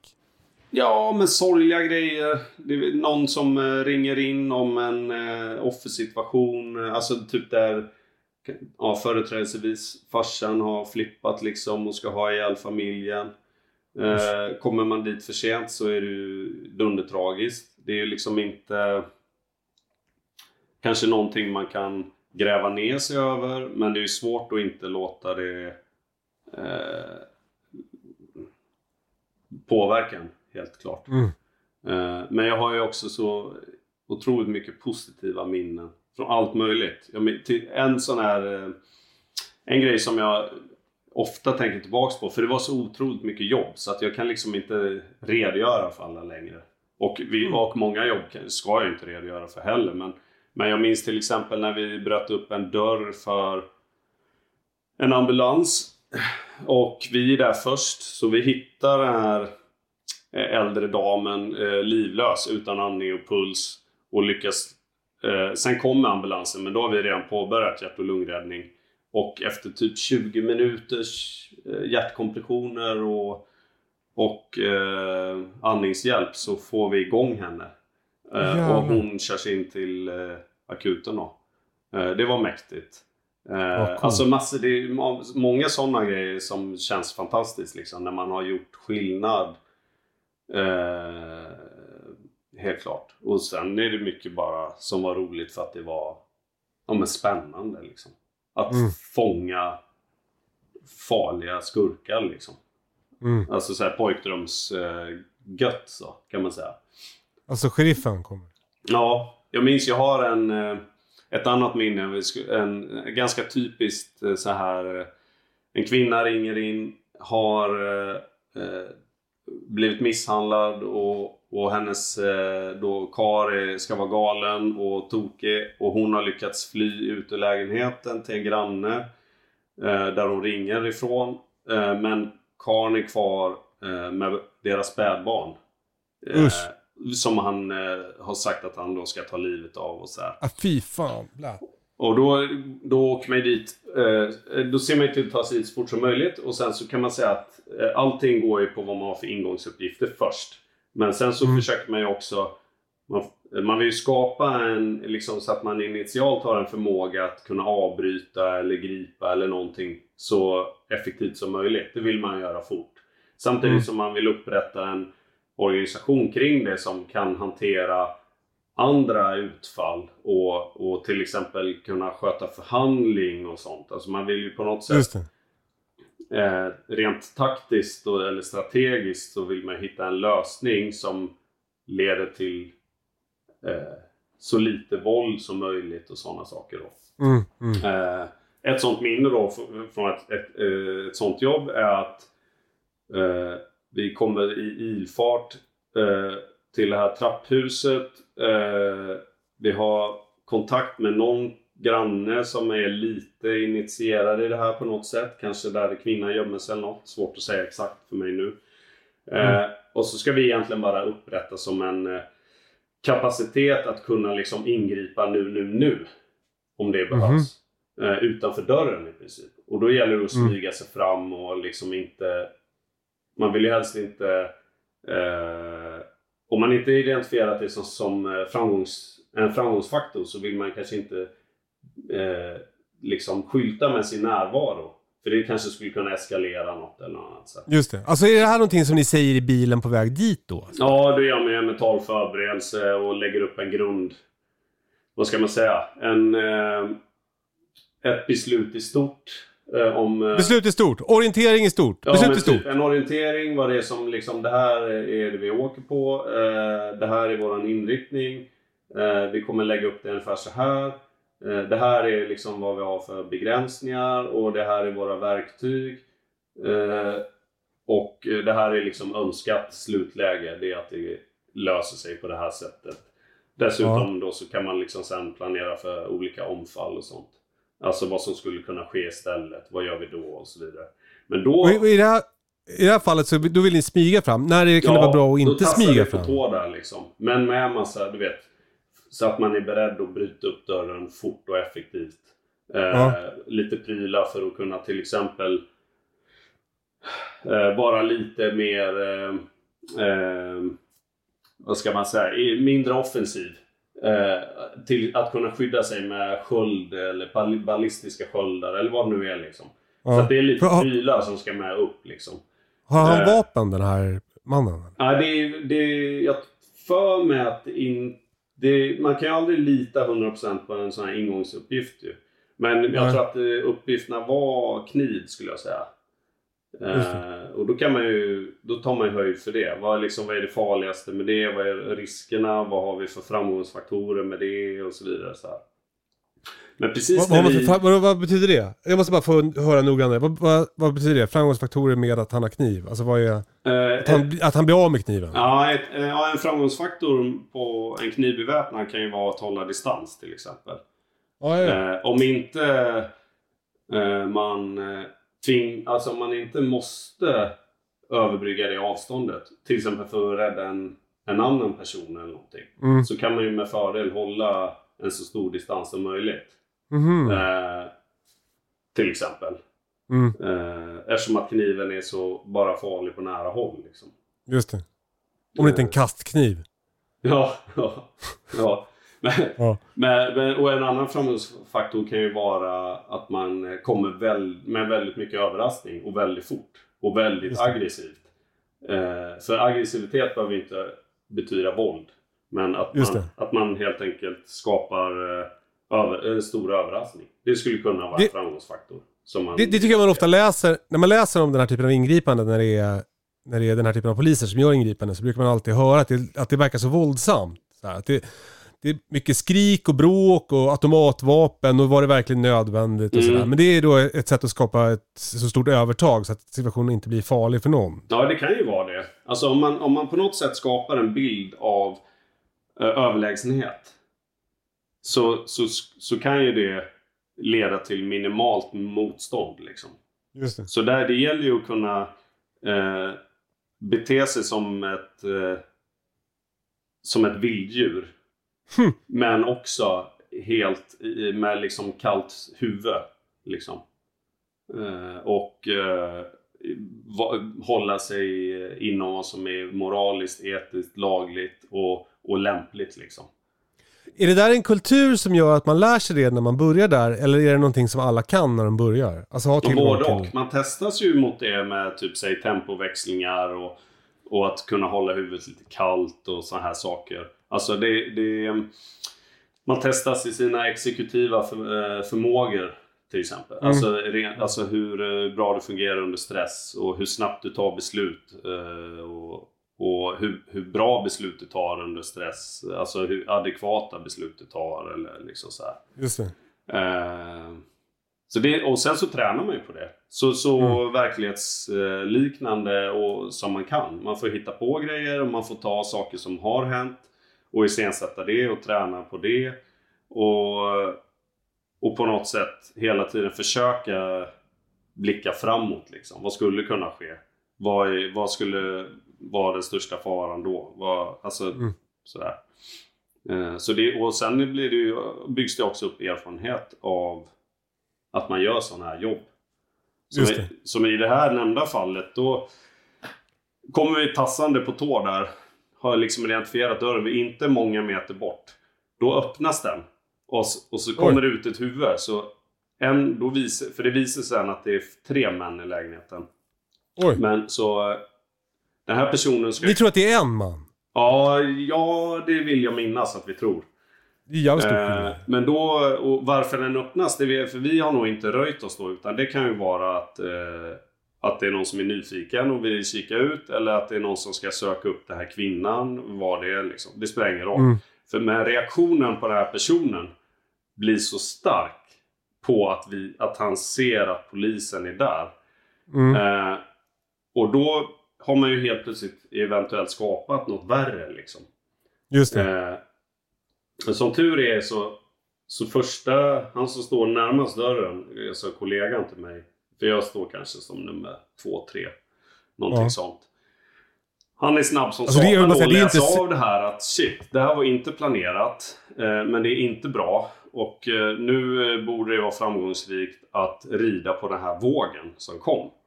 Så Mhm. han får in typ en fot eller någonting. Och så, sen i princip så bara, och då kickar liksom hela det maskineriet igång på en mikrosekund. Och Mm. Typ känns det som, en sekund senare så ligger tre män på golvet och eh, den lägenheten är säkrad och jag står med en, ett spädbarn i händerna och tröstar. Eh, som jag hittar på det här parets eh, säng. Med massa så här köksknivar uppradade bredvid sig. Ah, fy fan.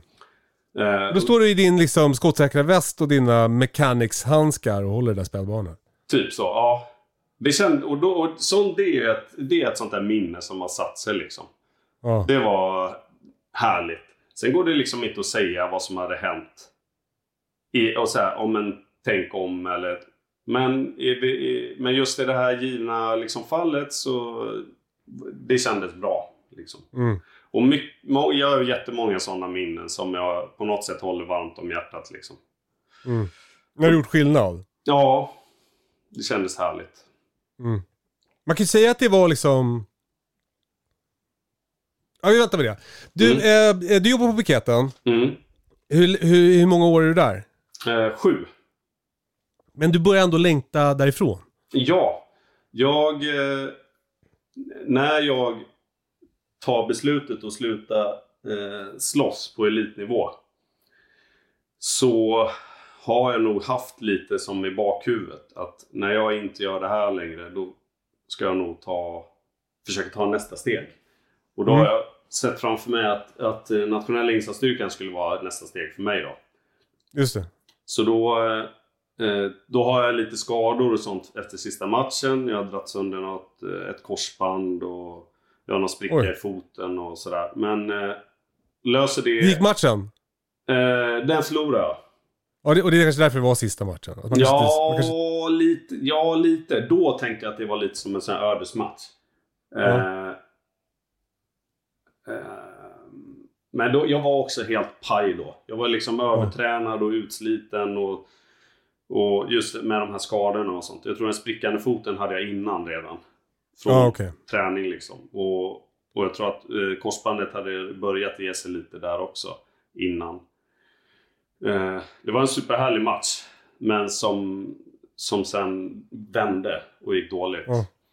Eh, men då, och då hade jag, då var det som ett avstamp. Ja men nu, nu, nu skiter jag i det här liksom. Eh, och då, nu vill jag söka till eh, nationella insatsstyrkan istället. Och då hade de precis rekryterat. Och, så då gäller det egentligen att vänta till, tills de rekryterar igen. Mm. Och det dröjde typ två år. Ungefär. Ja, för det kan man inte veta. Det, de har inte ett fast schema med det. Utan det är Nej, när de precis. folk. Typ. Precis. Det beror ju lite på hur statusen är där liksom. Alltså hur mycket det. folk det finns och sådär. Och för de som inte vet vad nationella insatsstyrkan är, vad, vad, vad är det? Mm, det är Sveriges eh, eh, antiterrorenhet. Och ja, man kan säga att det, varje region har en insatsresurs. Och sen så finns det också en insatsresurs eh, nationellt. Som, som då ska kunna ta sig an det, mest, det farligaste och det mest komplicerade kan man säga. Just det. Och, alltså, eh, när det var terror på Drottninggatan så såg man bilder på eh, så, eh, eh, som folk som ser ut som militärer som kom på motorcyklar och sånt där. Ja, precis. Och man kan alltså, om någonting sånt händer så är ju, då har man ju poliser som eh, är i närheten oftast. Alltså, alltså Mm. ordningspoliser. Mm. De lär ju vara där först, generellt. Mm. Alltså allting har ju med slump att göra också. Eh, sen har man, eh, som i Stockholm då, om man vill prata Drottninggatan, så har man ju den regionala resursen som förmodligen är mycket på tår, kanske redan finns i bilar eller sådär. Eh, Alltså pi- då är det piketen då. Ja, och sen så kommer den nationella resursen. Eh, och allting, det, det går liksom aldrig att säga hur fort saker och ting går. För det är ju så mycket slump i det. Men man kan Mm. säga att det blir väl nivåerna nästan. I alla fall. Mm. Eh, så, så det var Så det är ett, natu- som ett naturligt steg som, eh, att det här det är något som är svårare och liksom finare för dig karriärsmässigt. Eh, för, mig var, ja, för mig var det mycket... Eh, jag attraherades av att vara den resursen som tog sig... Som liksom där det inte finns någon övre gräns. Utan Mm. det, då finns det ingen att ringa sen. Utan där man tar sig Det finns ingenting som är för mycket liksom. Ja. Eh, och eh, eh, att förbereda sig för det. Attraheras. Liksom. Eller attrahera mig. Och, Ja. och arbeta med det. Och, ehm, ja, det attraherade mig verkligen. Och det var ju lite också som att jag hade trivts svinbra liksom i Stockholm. Men tänkte att det här kan ju bli som nästa steg för mig. Och jag är ju, med facit i hand så är jag ju glad att jag gjorde båda. Ja. Eh, för det, var ju, det är ju lite mer, eh, inte jordnära, men det är ju lite mer eh, tummen mot spåret kanske på en regional enhet. Liksom. Alltså man är med lite mer i vardagen. Ja, den, den klassiska nidbilden är ju så här, alltså att det, är- eh, piketen gör alla jobb och en ni tränar bara. Ja, eh, det kan nog baseras på hur det en gång var. Jag menar, alltså historiskt så var ju liksom nationella insatsstyrkan från början var ju typ regeringsbeslut på i princip. Mhm. Eh, till idag när det är bara en väldigt specialiserad eh, insatsresurs som liksom ska hantera allt. Eh. I nat- hela landet, eller egentligen nationellt och internationellt kan man säga. Så länge det Mm. rör Sverige liksom. Ehm, så det, det, det, är nog, det baseras nog på det gamla. Sen så baseras det väl också på att när man ska hantera allt så behöver man eh, förbereda sig ganska mycket på det. Och Just då det. blir kanske större del av tjänsten träning och eh, utbildning också. Just det. Eh, Alltså för att det finns så många grejer som kan, om man ska vara förberedd på vad som helst, vad som helst är så mycket, många olika saker. Ja, men precis. Precis. Det, är- det precis. Vad är, vad, man kan bara, det är ju fantasi nästan, men inte riktigt. Men nästan fantasin som sätter gränser. Det baseras ju såklart på mycket mer kval, kvalificerade bedömningar. Typ som Center för, eh, vad heter det? Na, nationellt center för terror och kris eller. Alltså, jag minns inte ens det där nu. Ja. Men man gör ju liksom hyfsat kvalificerade prognoser och bedömningar av vad som är farligast, vad som är troligast och så vidare. Eh, ihop till med olika insats, eh, eller vad säger underrättelseresurser och eh, stora hjärnor. Försöker i Mm. alla fall göra så mycket sådana analyser som möjligt. Och så får man ju på något Just sätt basera sitt arbete på, på det. Eh, och basera det på vad, vi, vad ser vi idag, vad tror vi att vi ser imorgon? Hur ska vi hantera det? Liksom. Men du, eh, du, du har två år på dig att läka dina skador efter sista matchen. Ja. Du gör det. Ja, Och sen så är det rekrytering och då söker du. ja. Och är det samma process där? Att det först är en Ja, det- bortsållning? Ja, det är ganska likt det är det. det är, först är det så här inledande tester och sen är det eh, sluttester. Det är lite, alltså min erfarenhet var att det, då var det lite mer av allt. Alltså Mm. det, lite mer tid. Lite längre sluttester, sådana saker. Men, Ja. men i stort så är det uppbyggt på samma sätt. Och det kan Ja. jag också säga att nu är det ju... Det där utvecklas hela tiden och det forskas ju på på, på det här området, alltså nat, eh, både nationellt och internationellt, så, så försöker man ju hela tiden förfina och förbättra. För både, man, både skruvar man ju på kravprofilen och så skruvar man på hur vi kan match, alltså hur kan vi mäta matchningen mot den här kravprofilen så bra som möjligt. Så, så li- lite kortfattat så kan man säga att det handlar ju om att hitta man, man försöker identifiera sånt som en person eh, Alltså egenskaper hos en person som är svåra att förbättra. Eh, att framförallt se att de är tillräckligt bra redan. Eh, Vad är det till exempel? Ehm, ja, vad det gäller mycket som exekutiva funktioner har du mer eller mindre färdigutvecklat när du är ish 25 år. Just det. Ja. Så när du kommer och är 30 och så hanterar du eh, stress för dåligt. Så då är det inte troligt att du kommer förbättra det så mycket. Men om du, och till exempel, alltså ett enkelt exempel i eh, andra delar, är kanske fysiskt då, alltså explosivitet och spänst. Mm. Det, det bygger du väldigt mycket fram, framförallt då, tills du är typ 25. Ja. Eh, medans, eh, vad ska man säga, mjölksyratålighet. Alltså, eh, eh, Uthållighet. ja precis, styrkeuthållighet liksom. Det är, väl, det är ganska kortsiktigt. Alltså det kan du förbättra och försämra på ganska, inom ganska korta tidsintervall. Ja, ja. Eh, Så det är ju egentligen inte lika intressant att testa. Utan det är mer intressant att testa det som du... Att det vi ser nu, det är det du har. Det är det du har att erbjuda. Liksom. Sen så naturligt så blir det ju att man testar allt. För att testa någon i styrkeuthållighet är ju också ett bra sätt att trycka ner folk i den här stressgrejen. Liksom. Där Mm, man får fram alltså det innersta och sanna kanske hos vissa. Mm. Alltså när man inte längre håller huvudet helt kallt och, och kan vara strategisk. Utan att där det verkligen, dina liksom... Dina... Ditt sanna jag kommer Ja, fram. men lite så. Lite så. Så att det blir, blir en mix av allt. Men allt sånt tycker jag, det, tänker, det förfinas ju. Så att det, redan nu pratar ju jag i dåtid. Om man säger så. Mm. Men, men Men, det och var, när är hur länge sedan är det här? När, när, vilket år eh, sökte du? Eh, 2015. Ja. Mm. Mm. 2015. Och så gjorde jag, jag gjorde förtester och sluttester och allt det. Eh, det var eh, lika vidrigt igen.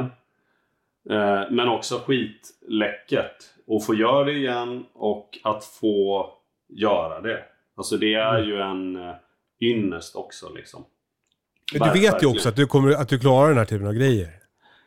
Ja, jag, ja, jag vet att jag klarar det mentalt rent att det är jobbigt. Det vet Ja. Det går jag in med en, en uppfattning om mig själv av att, att jag vet om man säger så. Ja. Ja. Men det är ju, sen är det ju fortfarande upp till de som rekryterar att tycka att jag matchar kravprofilen. Mm. Ehm, det finns ju för och nackdelar liksom med att ha gjort liknande tester då innan. Alltså det kan ju vara skönt att veta lite vad man har att förvänta sig men det kan ju också vara ganska jobbigt att veta vad man har att förvänta sig. Ja, och speciellt om det, du vet liksom, du har gjort fem dagar förut och så var det här längre. så bara, ja. ja.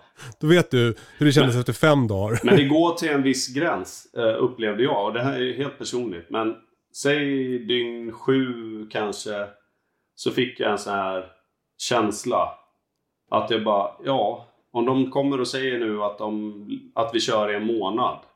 Mm. Ja, då gör vi det bara. För nu är det Mhm. så här. Det här det är, Mm. det är inte skitläckert, men till slut blir det som normaliserat helt enkelt. Och Det var som det när är Britta en- gjorde Musikhjälpen första gången.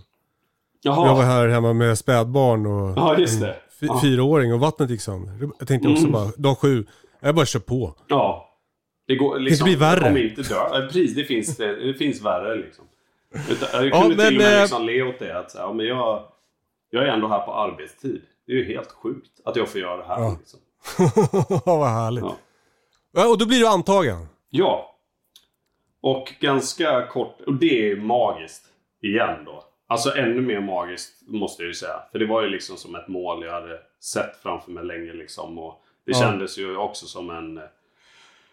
eh, ja, något som jag hade då fått förtjäna och också som en, en fantastisk... Eh, ja, men ynnest liksom. Att få den chansen. Mm. Eh, så och ganska kort därefter så påbörjade jag ännu en grundutbildning då. Mm. En ganska lång grund, grundutbildning. Eh, och det här var... Vad får man lära sig då? Vad sa du, hur lång? Vad får, vad får man lära sig? Ja, va- oj, oj, oj. Eh, att slåss. Eh, Det kunde du ju redan. ja, jo. Men, ja, men det, ja, eh, det är aldrig fel att träna på det. Eh, att eh, sjukvård, eh, taktik, skytte, jobba självständigt under hög press ihop med ett lag. Eh, ta beslut, eh, värdera situationer. eh, Ta beslut i skapa- stort eller? Ja men alltså Ja, både förlåt. och. Små och Alltså, jag- stora beslut. Jag ville bara säga, Ja, jag ville du bara få ville chansen att säga. fett. Ja, just det. Ja, men bra, bra eh, Försök. semantik där. Ja. Ja. Men, och är, liksom, vad är den stora skillnaden då mot ditt tidigare jobb? Ehm, ja, men all, jag skulle säga att skillnaden var att li- mer av allt liksom på något sätt. Mer, eh, mer utbildning, längre grundutbildning, mer... Eh, eh, alltså ett väldigt stort allvar. Liksom. Mm. Eh, eh, att man hela tiden håller uppdraget i fokus. Eh, och hela tiden håller saker som eh, ska få den här organisationen att fungera så bra som möjligt. Eh, vilket har att göra med både liksom rent, alltså kanske hårdare värden som utbildning och träning till mjukare värden där man liksom vill odla en, ett relationsdjup alla emellan. För Mm. att man ska fungera bra i grupp. Och att liksom jobba med det fortlöpande. Jobba med värdegrund, vision. Hålla det levande. Alltså den relationen man får på sin arbetsplats. När det är en del av arbetet. Den relation, det är ju fantastiskt liksom. Alltså den Mm. arbetsmiljön är ju grym liksom. När man har ett sånt relationsdjup. Att Det var ju någon sån här eh, DN-artikel för några år sedan när det var bilder på när, när ni stod och kramades och så här. Mm. Det var min grundutbildning, bland annat. Som, som eh, när den artikeln gjordes. Ja. Mm. Vad, berätta om det där kramandet. Det är ju väldigt speciellt. Man, man undrar ju över det. Ja, just det. Ja, det. ja, vad ska man säga om det? Det var ju eh, i... Som jag minns det så var det i slutet av ett närkampspass. Eh, ja, det är helt enkelt för att ta bort allt som är gränssättande. Eller som kan vara gränssättande. Alltså, Ja. det, skapar ju närhet. Eh, Ja. Och det tar ju också, alltså att liksom ta bort sånt som har med vad ska man säga, rädslor som man skulle kunna ha. Rä, alltså Mm. man, eh, som har med integritet eller liksom närhet, skam. eh, Alltså att kunna vara, när, att vara helt och hållet sårbar. Helt enkelt. Alltså är det som en liten del av.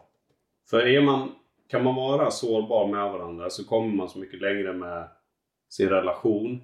Och ju, ju liksom djupare man kan komma i sin relation, desto mer förståelse kan man ha, desto bättre kan man fungera. Det är precis som en parrelation ju. Gud vad spännande. Häng kvar Alex. Nu kommer min producent och ska fråga mig någonting. Vänta. Ja. Eh, jag kan ta en eh, tunnbrödsrulle tack. Ja, grillad korv. Stort tack. Eh, ma- gurkmajonnäs istället för räksallad.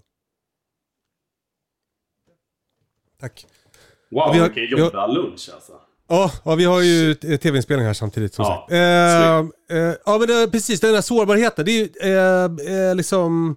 Är det, är det någonting då som, som alla har när de kommer dit? Eller är det någonting som finns i kulturen som man övar fram? Ja, både och, ska jag säga. Man, man, Det är också någonting som man kollar efter i kravprofilen, den liksom. förmågan, liksom. Att kunna vara eh, liksom innerlig. Eller på något sätt vara sann. Bör, Mm. Man behöver ju ha den förmågan för att det ska fungera. Men man kan ju också odla den och träna på den. Och, och liksom eh, vidmakthålla och odla det under tiden.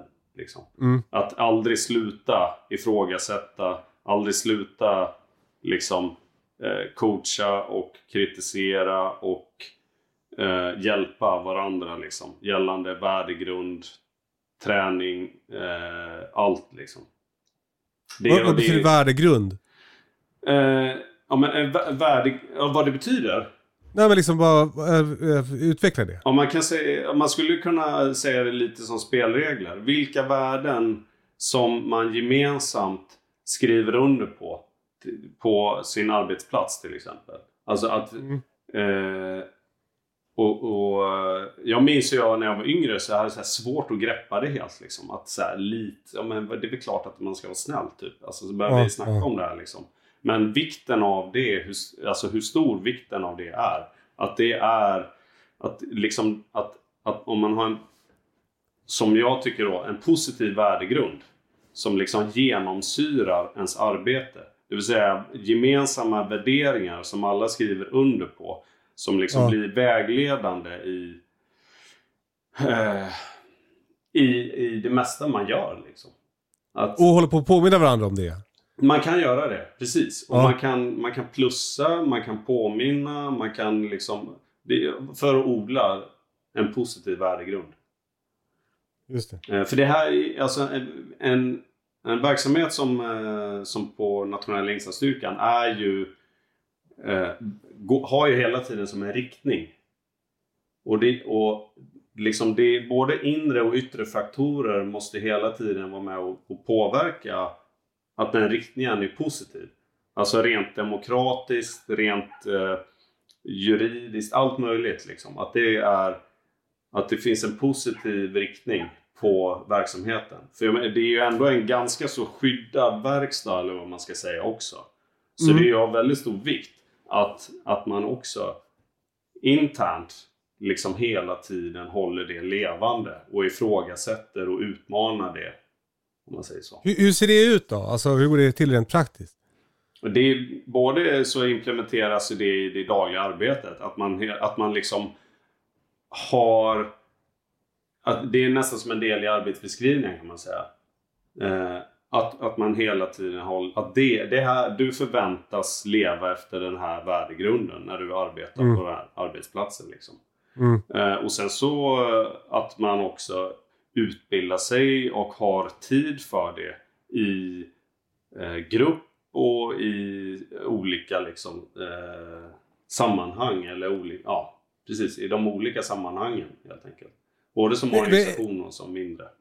En grej som jag far efter det, för jag, jag tror att du har berättat för mig någon gång om att, att ni har på så mycket med feedback. Mm. Det tycker jag är spännande. Berätta mer om det. Eh, ja, men det, det att, att jobba med feedback eller, eller på något sätt positiv förstärkning eller eh, feed forward eller vad man vill kalla det. det är olika, man kan kalla olika former för olika saker. Men att man hela tiden är ett stöd för varandra till att kunna prestera så bra som möjligt och att bete sig så positivt som möjligt mot varandra.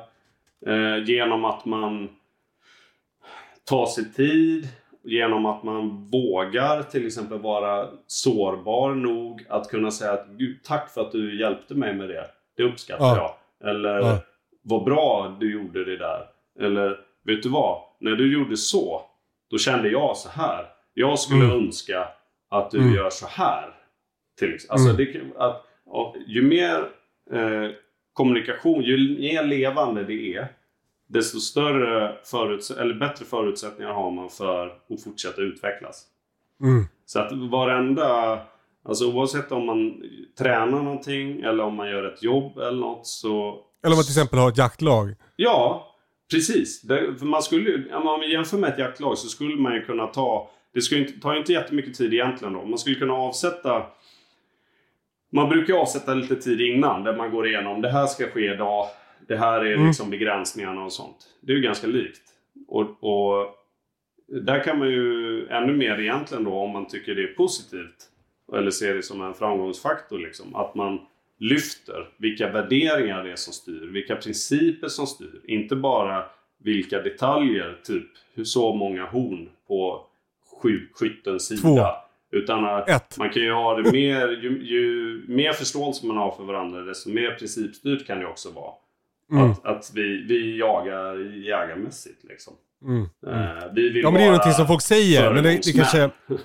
föregångsmän. Det kanske är någonting som behöver laddas det uttrycket lite. För det, det säger man ju alltid så här jägarmässigt. Ja, just det. Men, men man pratar ju inte så mycket om vad det betyder. Nej, precis. För det, det, Alltså, det ju, fungerar ju först när alla har eh, samma bild av vad jägarmässigt är. Exakt. Mm. Och lika väl då så skulle man ju kunna kort utvärdera dagens jakt.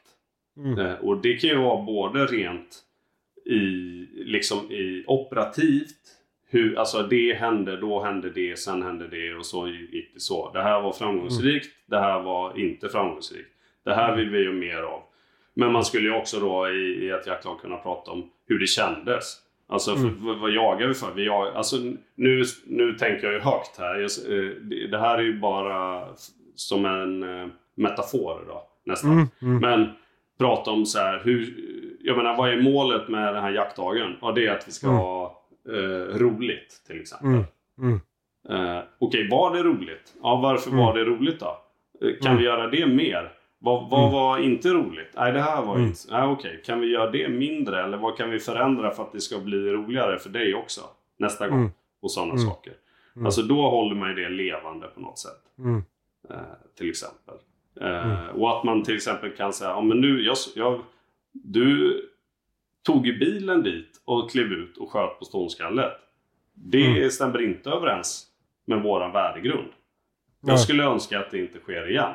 Och att man kan säga Ja, alltså, jag vill bara säga, det var en engångsföreteelse. Det var liksom inte, alltså jag brukar inte göra det, men det, det var så, jag var så himla sugen bara den här gången. Alltså, Jag förstår.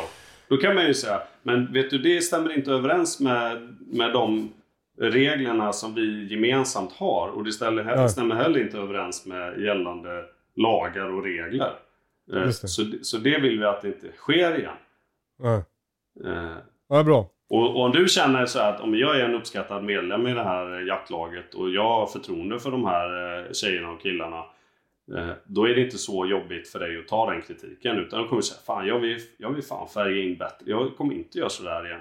Jag kommer göra Just så det. här istället som någon föreslog. Då, Ja, till exempel. Ja. det låter bra. Kan man säga. Eh, Okej, men du, det är, eh, 2015 kommer du in där och sen är du på NI och Mm. här är jag på. Och trivs Mm. bra va? Mm. Det, det gör jag. Jag blir ganska fort eh, hundförare. Mm. Eh, och trivs med det. Det är ju lite av en... eh, Ja, det blir ju en ny start. Det är ingenting jag hade pysslat med innan. Så att det var ju liksom... för visst är det ny- så här, alltså, Mm. visst, eh, förlåt, men visst är det så här att man, man, man, när man börjar så väljer man en inriktning? Ja, mer eller mindre. Man kan ju få det till... Alltså det kan ju finnas behov också. Men det finns ju lite... Ja.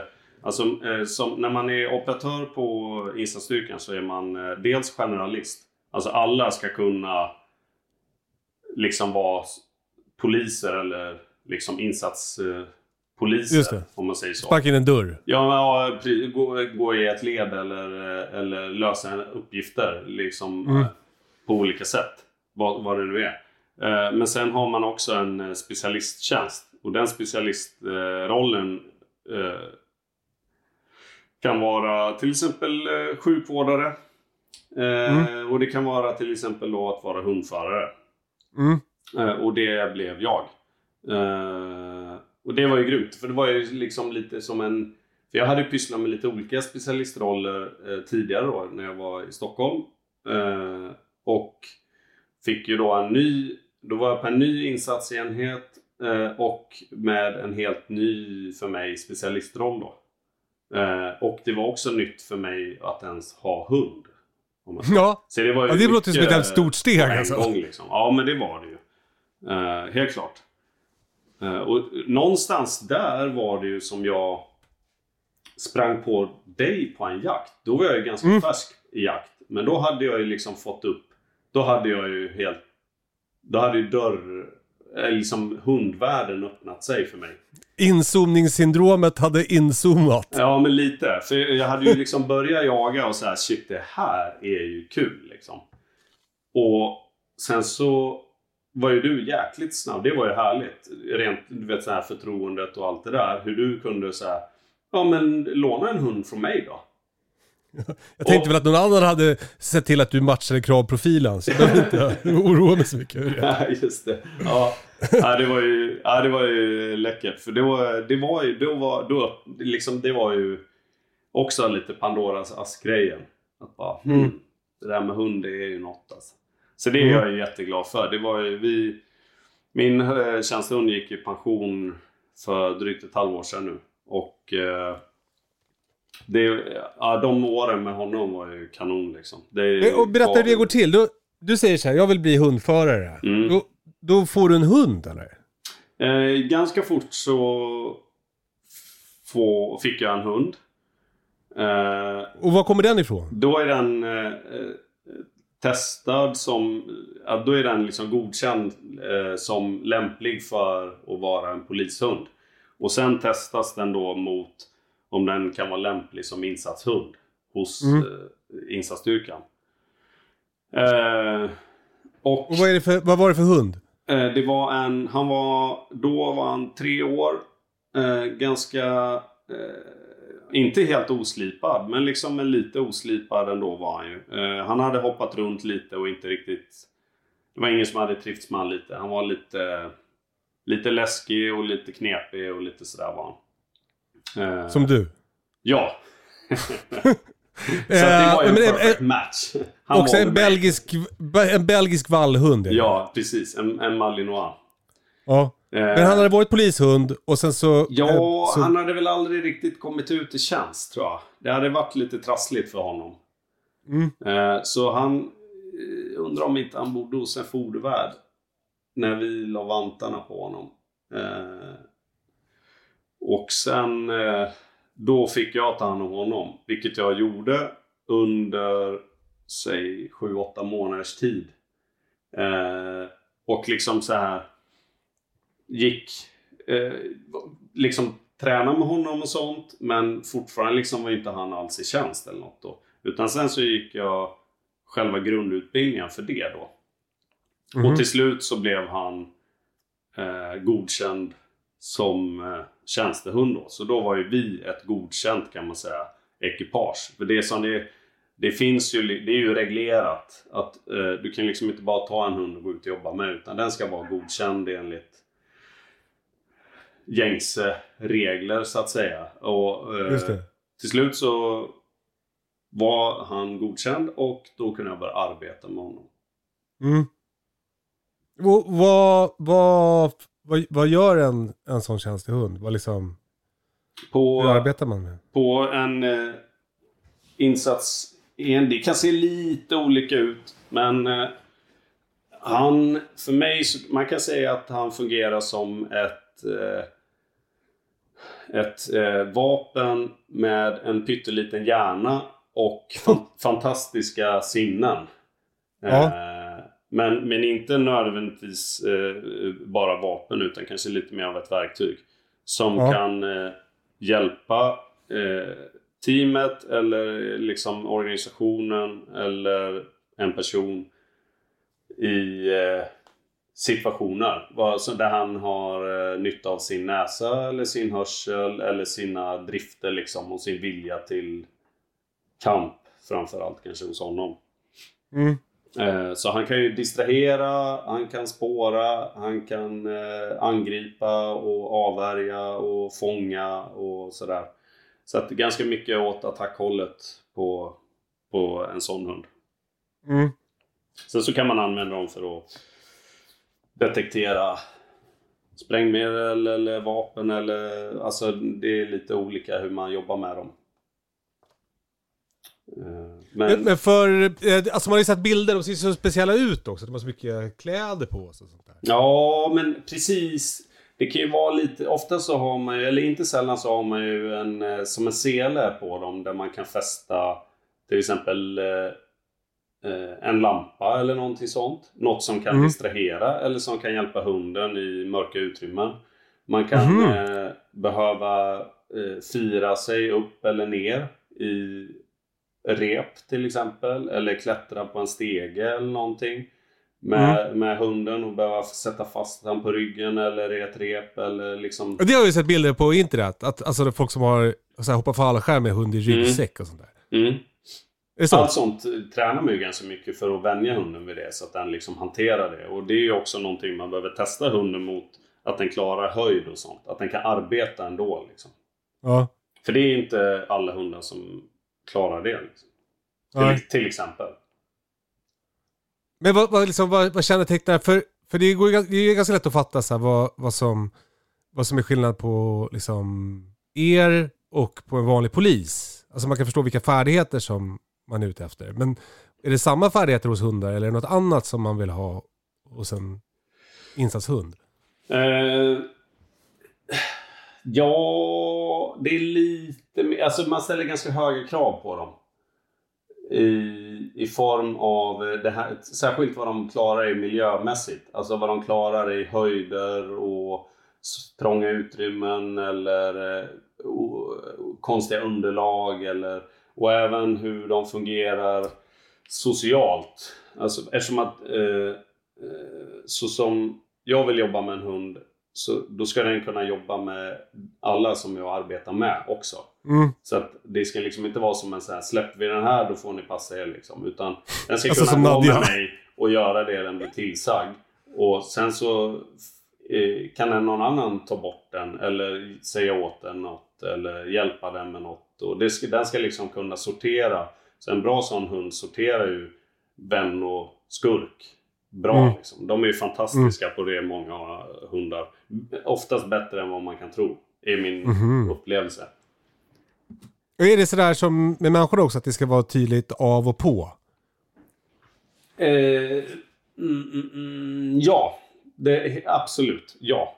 Det är skitjobbigt om den bara har en på-knapp. Då kommer den ju inte orka.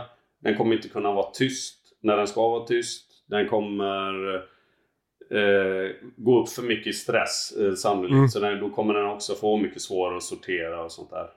Mm. Nej, det är absolut. Den måste kunna vara liksom balanserad men också ha höga hög drift liksom på kamplust och så här. Alltså man kan tänka sig, eller man skulle kunna förtydliga det med att man söker inte nödvändigtvis en hund med stor aggressivitet. För det är, det är ju ganska ofta någonting som har med osäkerhet så att göra. Utan Mm, man söker en mm. hund som har stor lust till kamp och kanske jakt. Snarare än, än att den är på något sätt aggressiv. Man vill ju att det ska Just vara det. en trygg, säker hund. Men med ett stort paket till, till det man behöver den för. Liksom. Alltså exakt som ni. ja, ja, exakt. Ja. Ja. I, I den bästa av världar, ja. Ja. Åh, vad spännande. Mm. Eh, eh, ska vi se, undrar något annat om det där med hund? Men nu kommer jag inte ihåg det. Okej, så du jobbar där och är hundförare. Trivs med livet antar jag? Ja, jättebra. Ja. Det gör jag. Samtidigt som, eh, alltså när åren går så, jag, jag trivs ju så vansinnigt bra. Det är den bästa arbetsplatsen jag haft. I, alltså, utan konkurrens liksom. Mm. Eh, samtidigt som jag kanske trivs mindre och mindre med att behöva alltså, bo i Stockholm. Mm. Eh, eftersom att liksom basen ligger där. Eh, Mm. Och jag får det också svårare och svårare att pussla ihop. Att vara borta ganska mycket i, i perioder. Eh, det blir svårare och svårare. Eh, nej, jag, på något sätt så att ta, få ihop det med ett rikt familjeliv liksom. Och vara den pappan jag vill vara och leva det livet jag vill leva. Förutom, alltså utöver jobbet. Det blir svårare och svårare. Här får du ju fler barn också. Du har Ja. en pojke som, som börjar bli stor nu Ja, precis. och, som, och så får du två små barn. Ja, så nu har jag ju tre. Eh, och två av dem får jag ju under tiden när jag jobbar på nationella insatsstyrkan. Stämmer Mm. bra. Eh, det är ju bara glatt och happy life. Eh, jag är ju strax något år innan som jag gör testerna så har jag ju träffat min fru. Mm. Eh, och blivit så här hopplöst förälskad. Jag minns hur jag stod i omklädningsrummet på, på piketen och när grabbarna frågade hur det hade gått med den här dejten som jag var på. Mm. Eh, Och då är det två veckor efter den dejten. Och då minns jag hur jag säger att ja, det går bra. Jag älskar henne och jag vill gifta mig med henne. ja, ja. Eh, och så blev det ju. Ja. Eh, vi hade ett fantastiskt bröllop. Och, mycket, och, och en hel del tack vare att mina vänner från dåvarande arbetsplats var där. Och eh, så blev det ett, ett riktigt kalas. Ja, kul att man var bjuden. Synd att vi inte känner varandra då. Ja, det var synd att vi inte känner varandra. Ja. Eh, vill, vill, vill du berätta hur ni träffades? För det är ju en jävligt spännande historia också. Eh, na, nej. Nej, Det, nej, det. vill. Eller jo, alltså jo, det kan jag ju berätta. Det var ju en, men delar av det skulle jag vilja säga. Eh, det, kan, det är möjligt att det, det kan komma sig, men det vill jag nog hålla för mig själv. Men det var Ja. ju, vi, blev, vi hade en gemensam bekant Just som det. satte upp oss på en blind date. Och eh, det var väl ingenting som, kanske, som varken jag eller min fru skulle ha ställt upp på i vanliga fall. Men den här vännen till oss som, som gjorde det eh, har vi båda väldigt stort förtroende för. Så vi Mm. kände ju inte, vi hade ju aldrig träffats då. Ja. Eh, men vi gjorde det. Och, och ja, det var ju magiskt. Det var, jag minns hur det bara slog till när jag såg henne i princip. Och hur jag satt och tänkte under middagen, för vi var och käkade då. Eh, att säga, shit det här är ju så skumt liksom. Undrar om jag någonsin har suttit så här innan och liksom så här lite tänkt så här, shit tänk om inte hon gillar mig. Alltså det är ändå vanliga Ja. kanske är väl att man sitter och funderar på vad man ser hos den andra och sånt. Eh, ja, det är olika tror jag. Ja, det kanske det är. Men för mig var det lite så här. Jag hade varit ungkarl så länge och sånt och, och haft mest fokus på mig själv och mitt liv och mitt pyssel liksom. Så att jag hade mest letat fel liksom. Och helt plötsligt så Mm. satt jag och, och funderade på fasen tänk om hon bara gillar mig då. Det hade ju varit Mm. helt grymt. Så att jag var ju så sjukt försiktig. Så först när vi gick till vi skulle skiljas åt liksom vid tunnelbanan så får hon liksom... Och då tänker jag, jag kan ju inte vara påflugen. Nu gäller det att vara jäkligt cool här, alltså försiktig. Ja, ja, ja. Eh, Jag får ju höra av mig om typ en dag eller något på telefon. Mm. Men då nästan så hon tar mig i kragen liksom och bara Hörru, ska vi ses igen eller? Åh gud vad spännande. Ja, och det gjorde vi ju. Dejt nummer två bjöd hon ju hem mig till sig. Men då var det ju för att det var eh, skidor på TV. Jag trodde ju att det var något annat, men så var det ju inte. Nej, nej, synd. Du, eh, eh, hur var det för henne när du började jobba på, på nationella insatsstyrkan?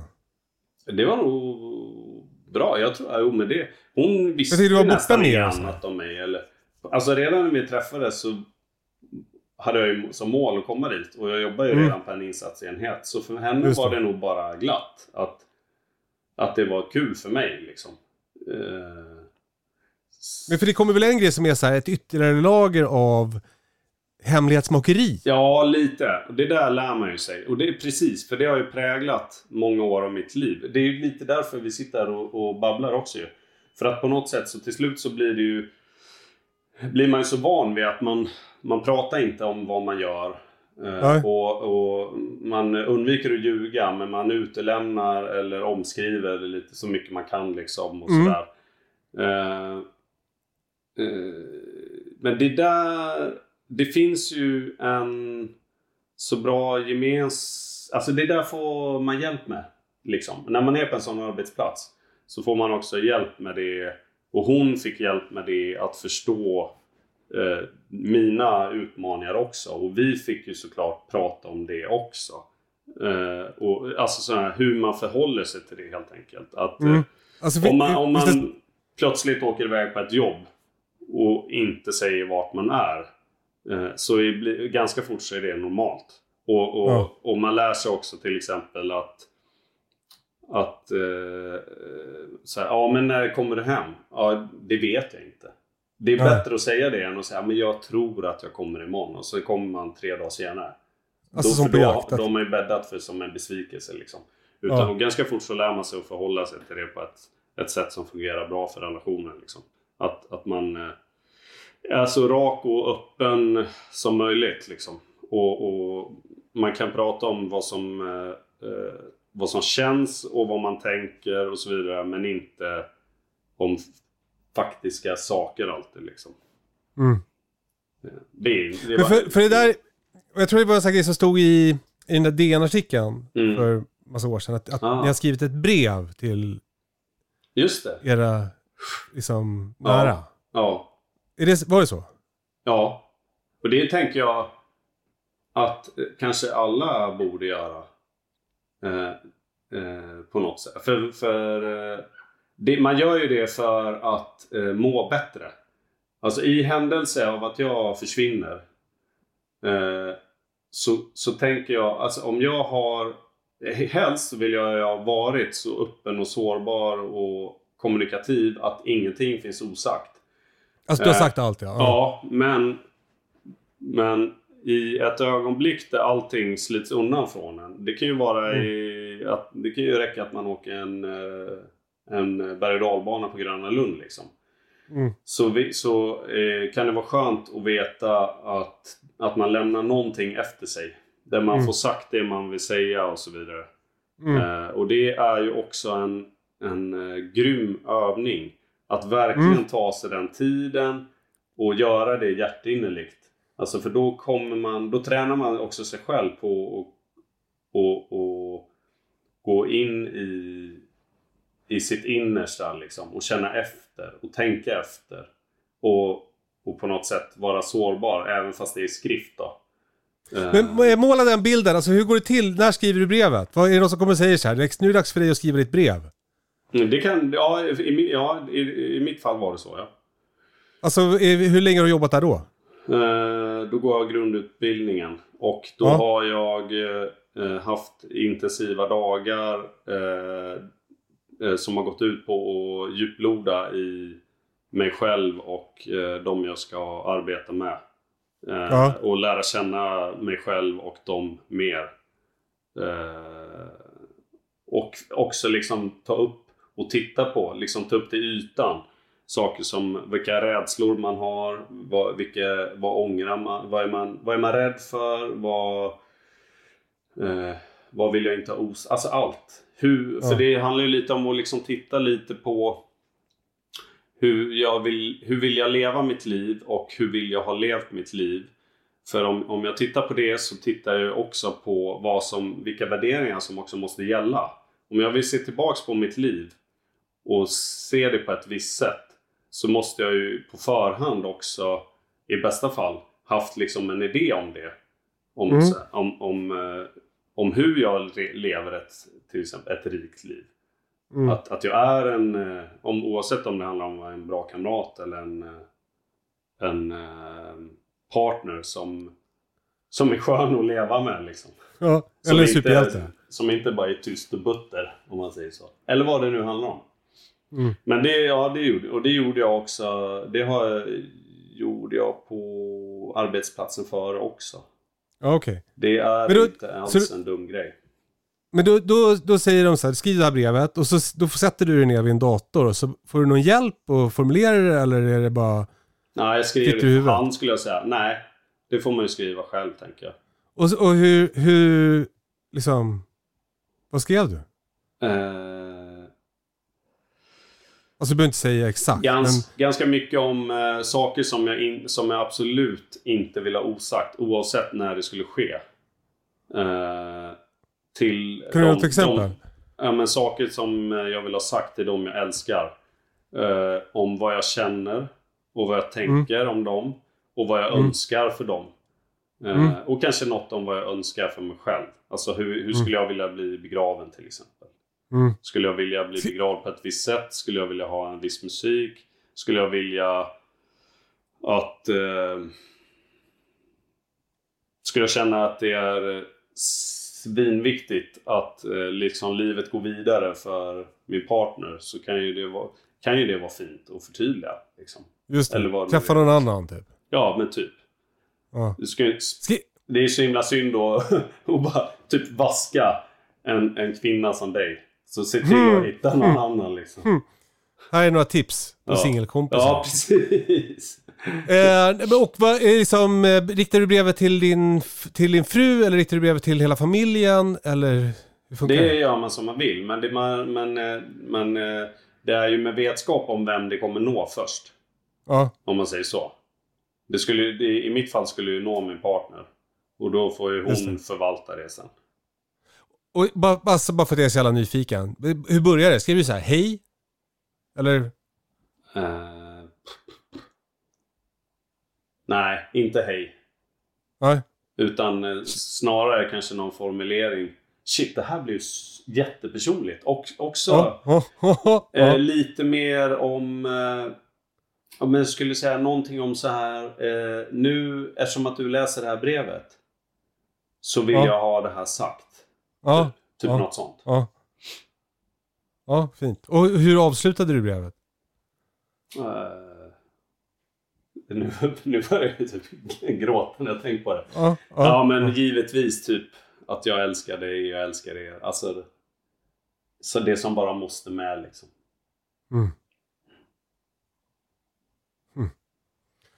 Och fan vad Mm. speciell övning att göra. Mm. För jag menar, det, man behöver inte skriva upp det som något, alltså bara för att man är soldat eller insatspolis eller något annat. Utan det kan ju faktiskt eh, ge en eh, sinnesro i den värsta eller bästa av stunder också. Att det är gjort. Ja men och sen en övning i så här, vad, vad vill jag ha sagt till min Ja, ja, gud hustru? ja. Alltså, För det där kan man ju, det kan ju snurra lite i skallen på en det där. Både före och efter en sån övning. Man kan ju göra Mm. det. mm. Ja men också om det är så här, det här vill jag ha sagt, och då kan vi också passa på att säga det medan man är i livet. Ja, och det, så blir det ju mycket. När man väl när man lyfter sånt till ytan så, så ja, kan man med fördel prata om det också. För det är ju på Ja. något sätt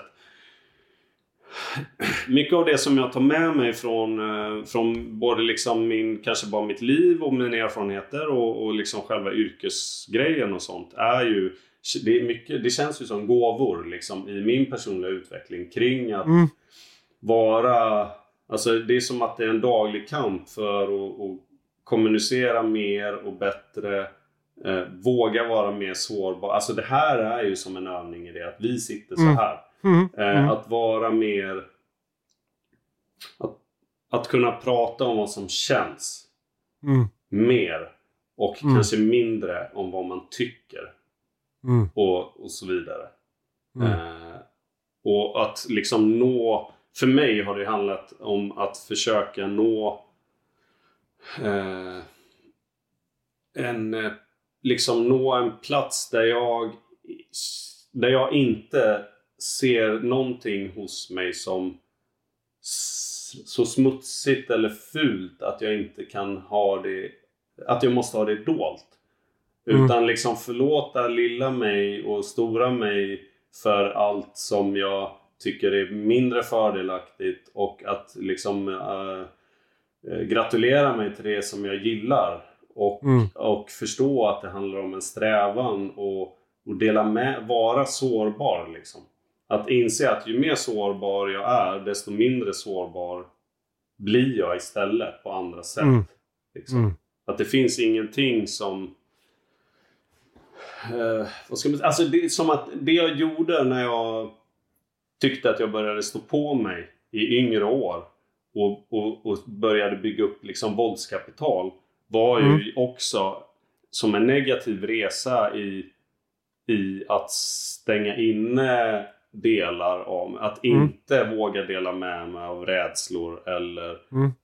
förluster eller skam eller något. Och nu är det som att det snarare för mig handlar om att våga blotta så mycket som möjligt. För det är som att när det kommer sol på det, då försvinner det också på något Mm. sätt. Liksom.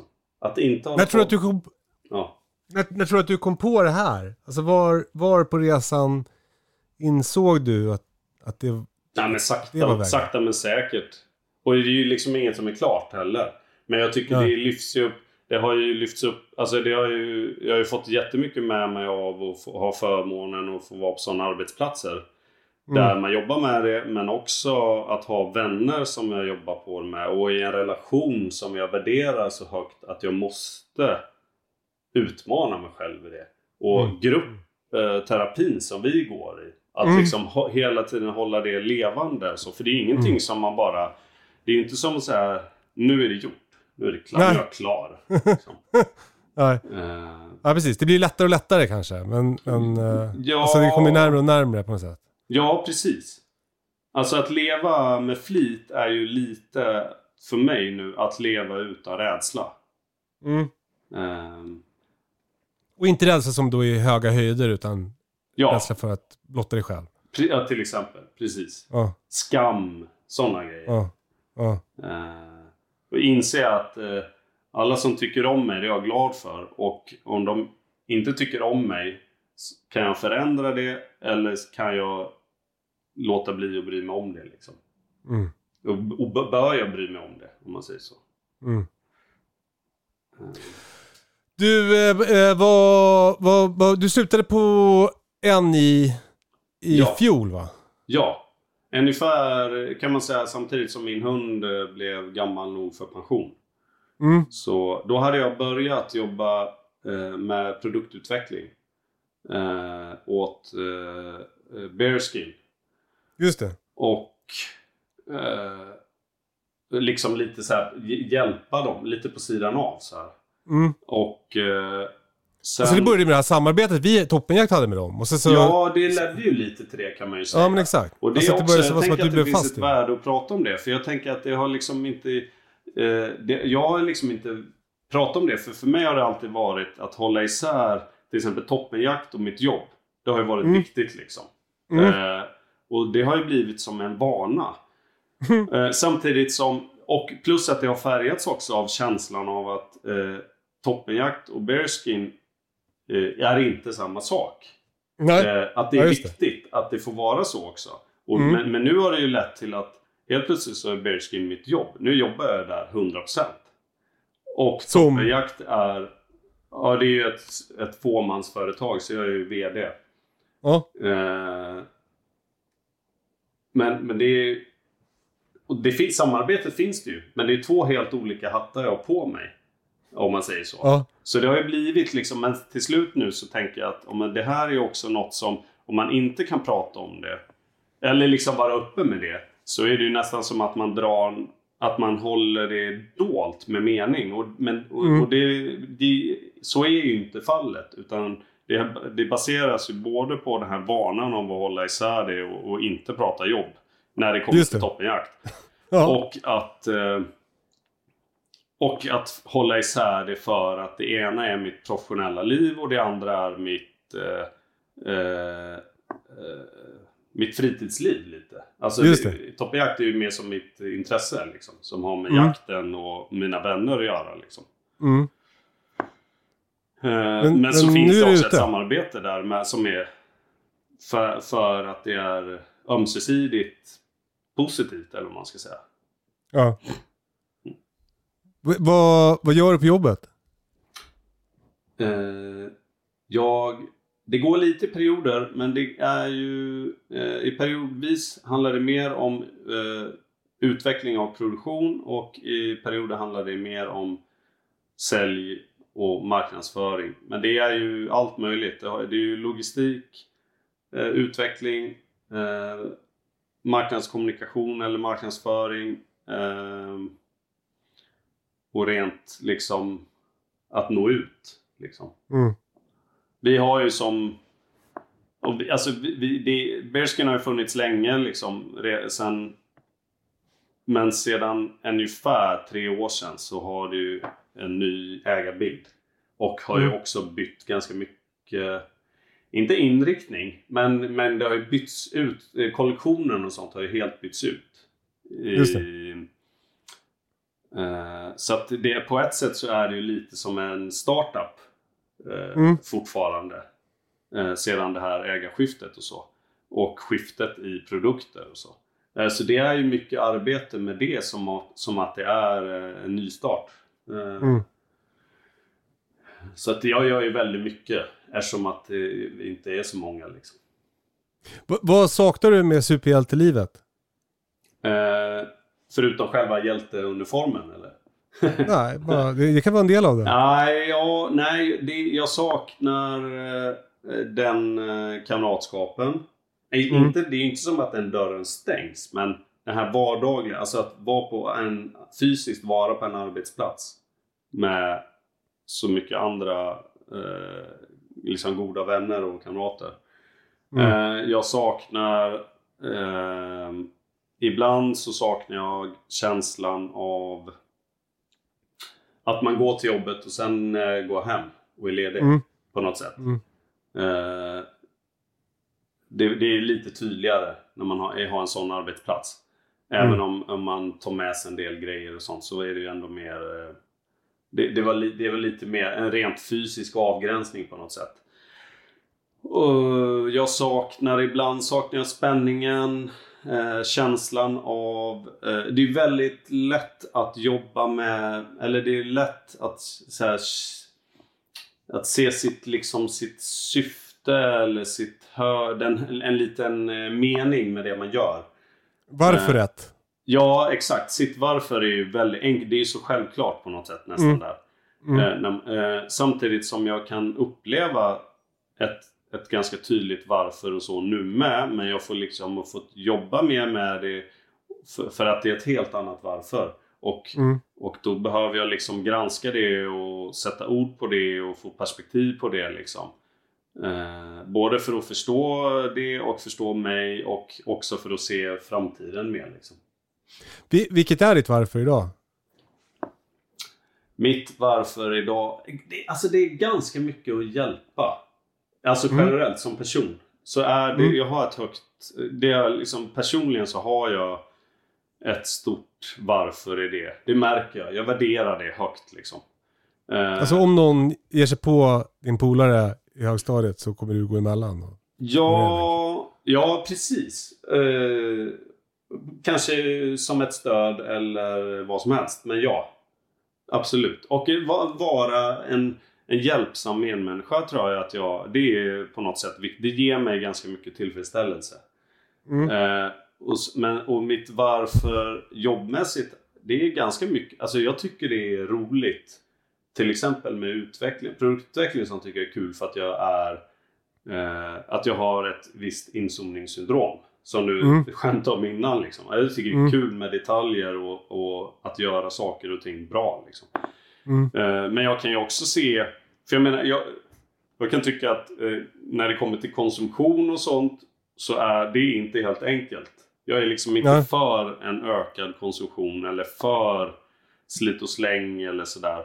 Men jag kan ju se ett stort värde i att vi producerar så medvetet vi kan och att vi gör grejer som håller så länge det går. Alltså målsättningen eller liksom visionen är att vi kan tillhandahålla så bra prylar att du är nöjd med dem längre och köper saker mer sällan.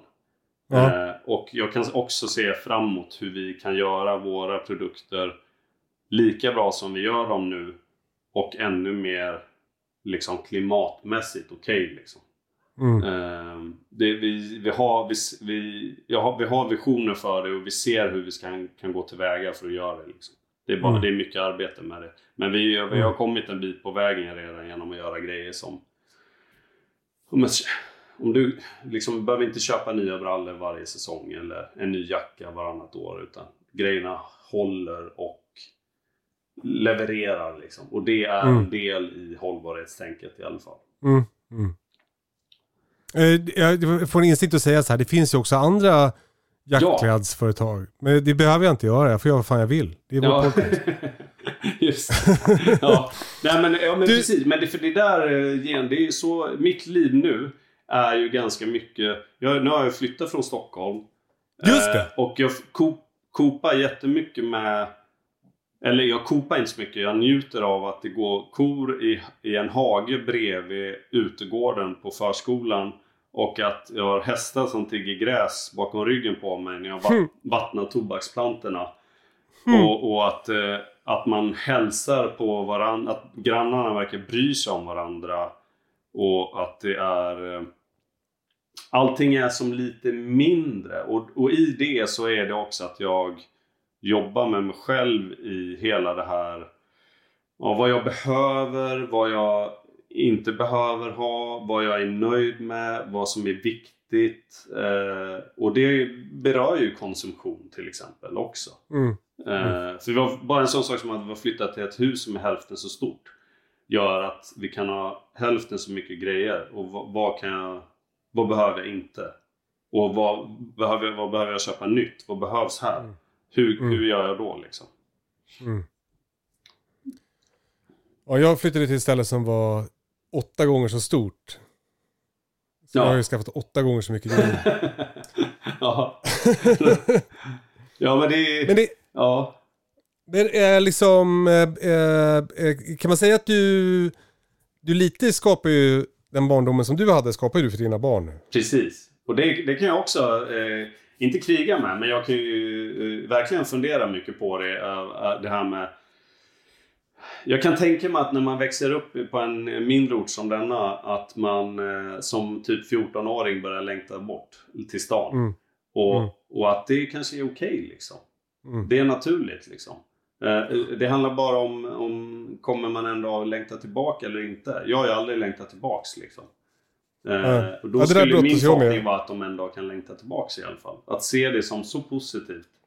Som jag ändå gör, om man säger så. Ja. Ja för jag har precis, eh, jag är ju det där nu att jag har, min stora pojke vill aldrig vara här. Nej. Och det är ju skittungt. Ja, Och jag tänker så här, vad har jag gjort för fel? just det. Men det, det kanske är så det är bara. Alltså, alla är ju olika. Och så har Ja, andra barn som vill vara kvar. men, men, eh, precis. Alla är olika och eh, livet är långt, tänker jag. Så Ja, länge man precis. liksom inte stänger några dörrar eller bränner några broar eller liksom förstör, alltså sin, förstör sin relation utan att man alltid finns där som förälder och sånt så finns det ju förutsättningar för tvärtom också. Liksom. Ja. Man måste ju få utvecklas och gå sin egen väg som ung liksom också. Du, eh, eh, Lex, vi, vi måste sluta nu tyvärr. Det här, Ja. Vi hade kunnat hålla på hur länge som helst känner jag. Men, men jag måste... Eh, Käka tunnbrödsrulle måste vi göra, eller ja, just det. Käka tunnbrödsrulle. Ja. Eh, men är liksom om du ska... s- Liksom, vad, vad vill du att man ska få med sig? Ehm, att, nej, ja, jag, jag tänker att man kanske, om man lyssnar på det här så kanske man själv reflekterar över hur livets, hur det vänder och vrids och att man tar med sig det positiva och är glad för utvecklingen och att man är snäll mot sig själv, Mm. tänker jag. Ja, var snäll mot dig själv. Älska sig själv. Ja. Förlåt dig själv och för, Ja. förlåt andra och låt dem älska dig. Ja. Typ. Ja, Och du, tack så fint. mycket för att du tog dig tiden till att, att leda mig. Ja, det här var, ett- det var en ynnest. Jag vill göra om det här. Ja, härligt. Alltså jag har mer frågor om eh, NI också, men jag, jag tar inte dem nu. Jag, jag vet inte när jag ska ta dem. Det känns svårt att ta ett omtag i det här, men jag, undrar mycket mer grejer. Det kanske Alltså kommer. nu när, jag äntligen får chans att ställa alla frågor. Just det. Ja, Hur, hur känns det nu när, liksom, när, de är, när de är i Almedalen och är viktiga och du sitter hemma och... ja det är kluvet. Alltså, du, och det, och det, är, det är kluvet, men alltså, det känns faktiskt bra liksom. Jag, jag har ändå gjort ganska mycket, ganska Mm. länge. Jag har hållit på med insatsverksamhet i drygt 14 år. Mm. Och gjort, varit på många ställen och gjort mycket jobb och, och lagt mitt, min tid och min själ och min kraft och mitt hjärta liksom i det. Och, och nu eh, lägger jag det lite mer i något annat. Som, det finns alltid kvar i mitt hjärta liksom. Nu är det träskällarjakten som gäller. Nu är det, precis, nu är det kanske småbruk till slut och träskällarjakt och när, familj och härligt liksom. Ja, ja Mm. det låter väldigt härligt tycker jag. Du, eh, eh, tack. Och, och tack för att ni lyssnade. Tack själv. Mm. Ja, tack allihopa. Lycka till med inspelningen nu, Kalle. Jag ska isolera sista väggen i hönshuset. Uff. Vi hörs sen. Ha det så vi. bra. Puss och kram. Hej då. Hej.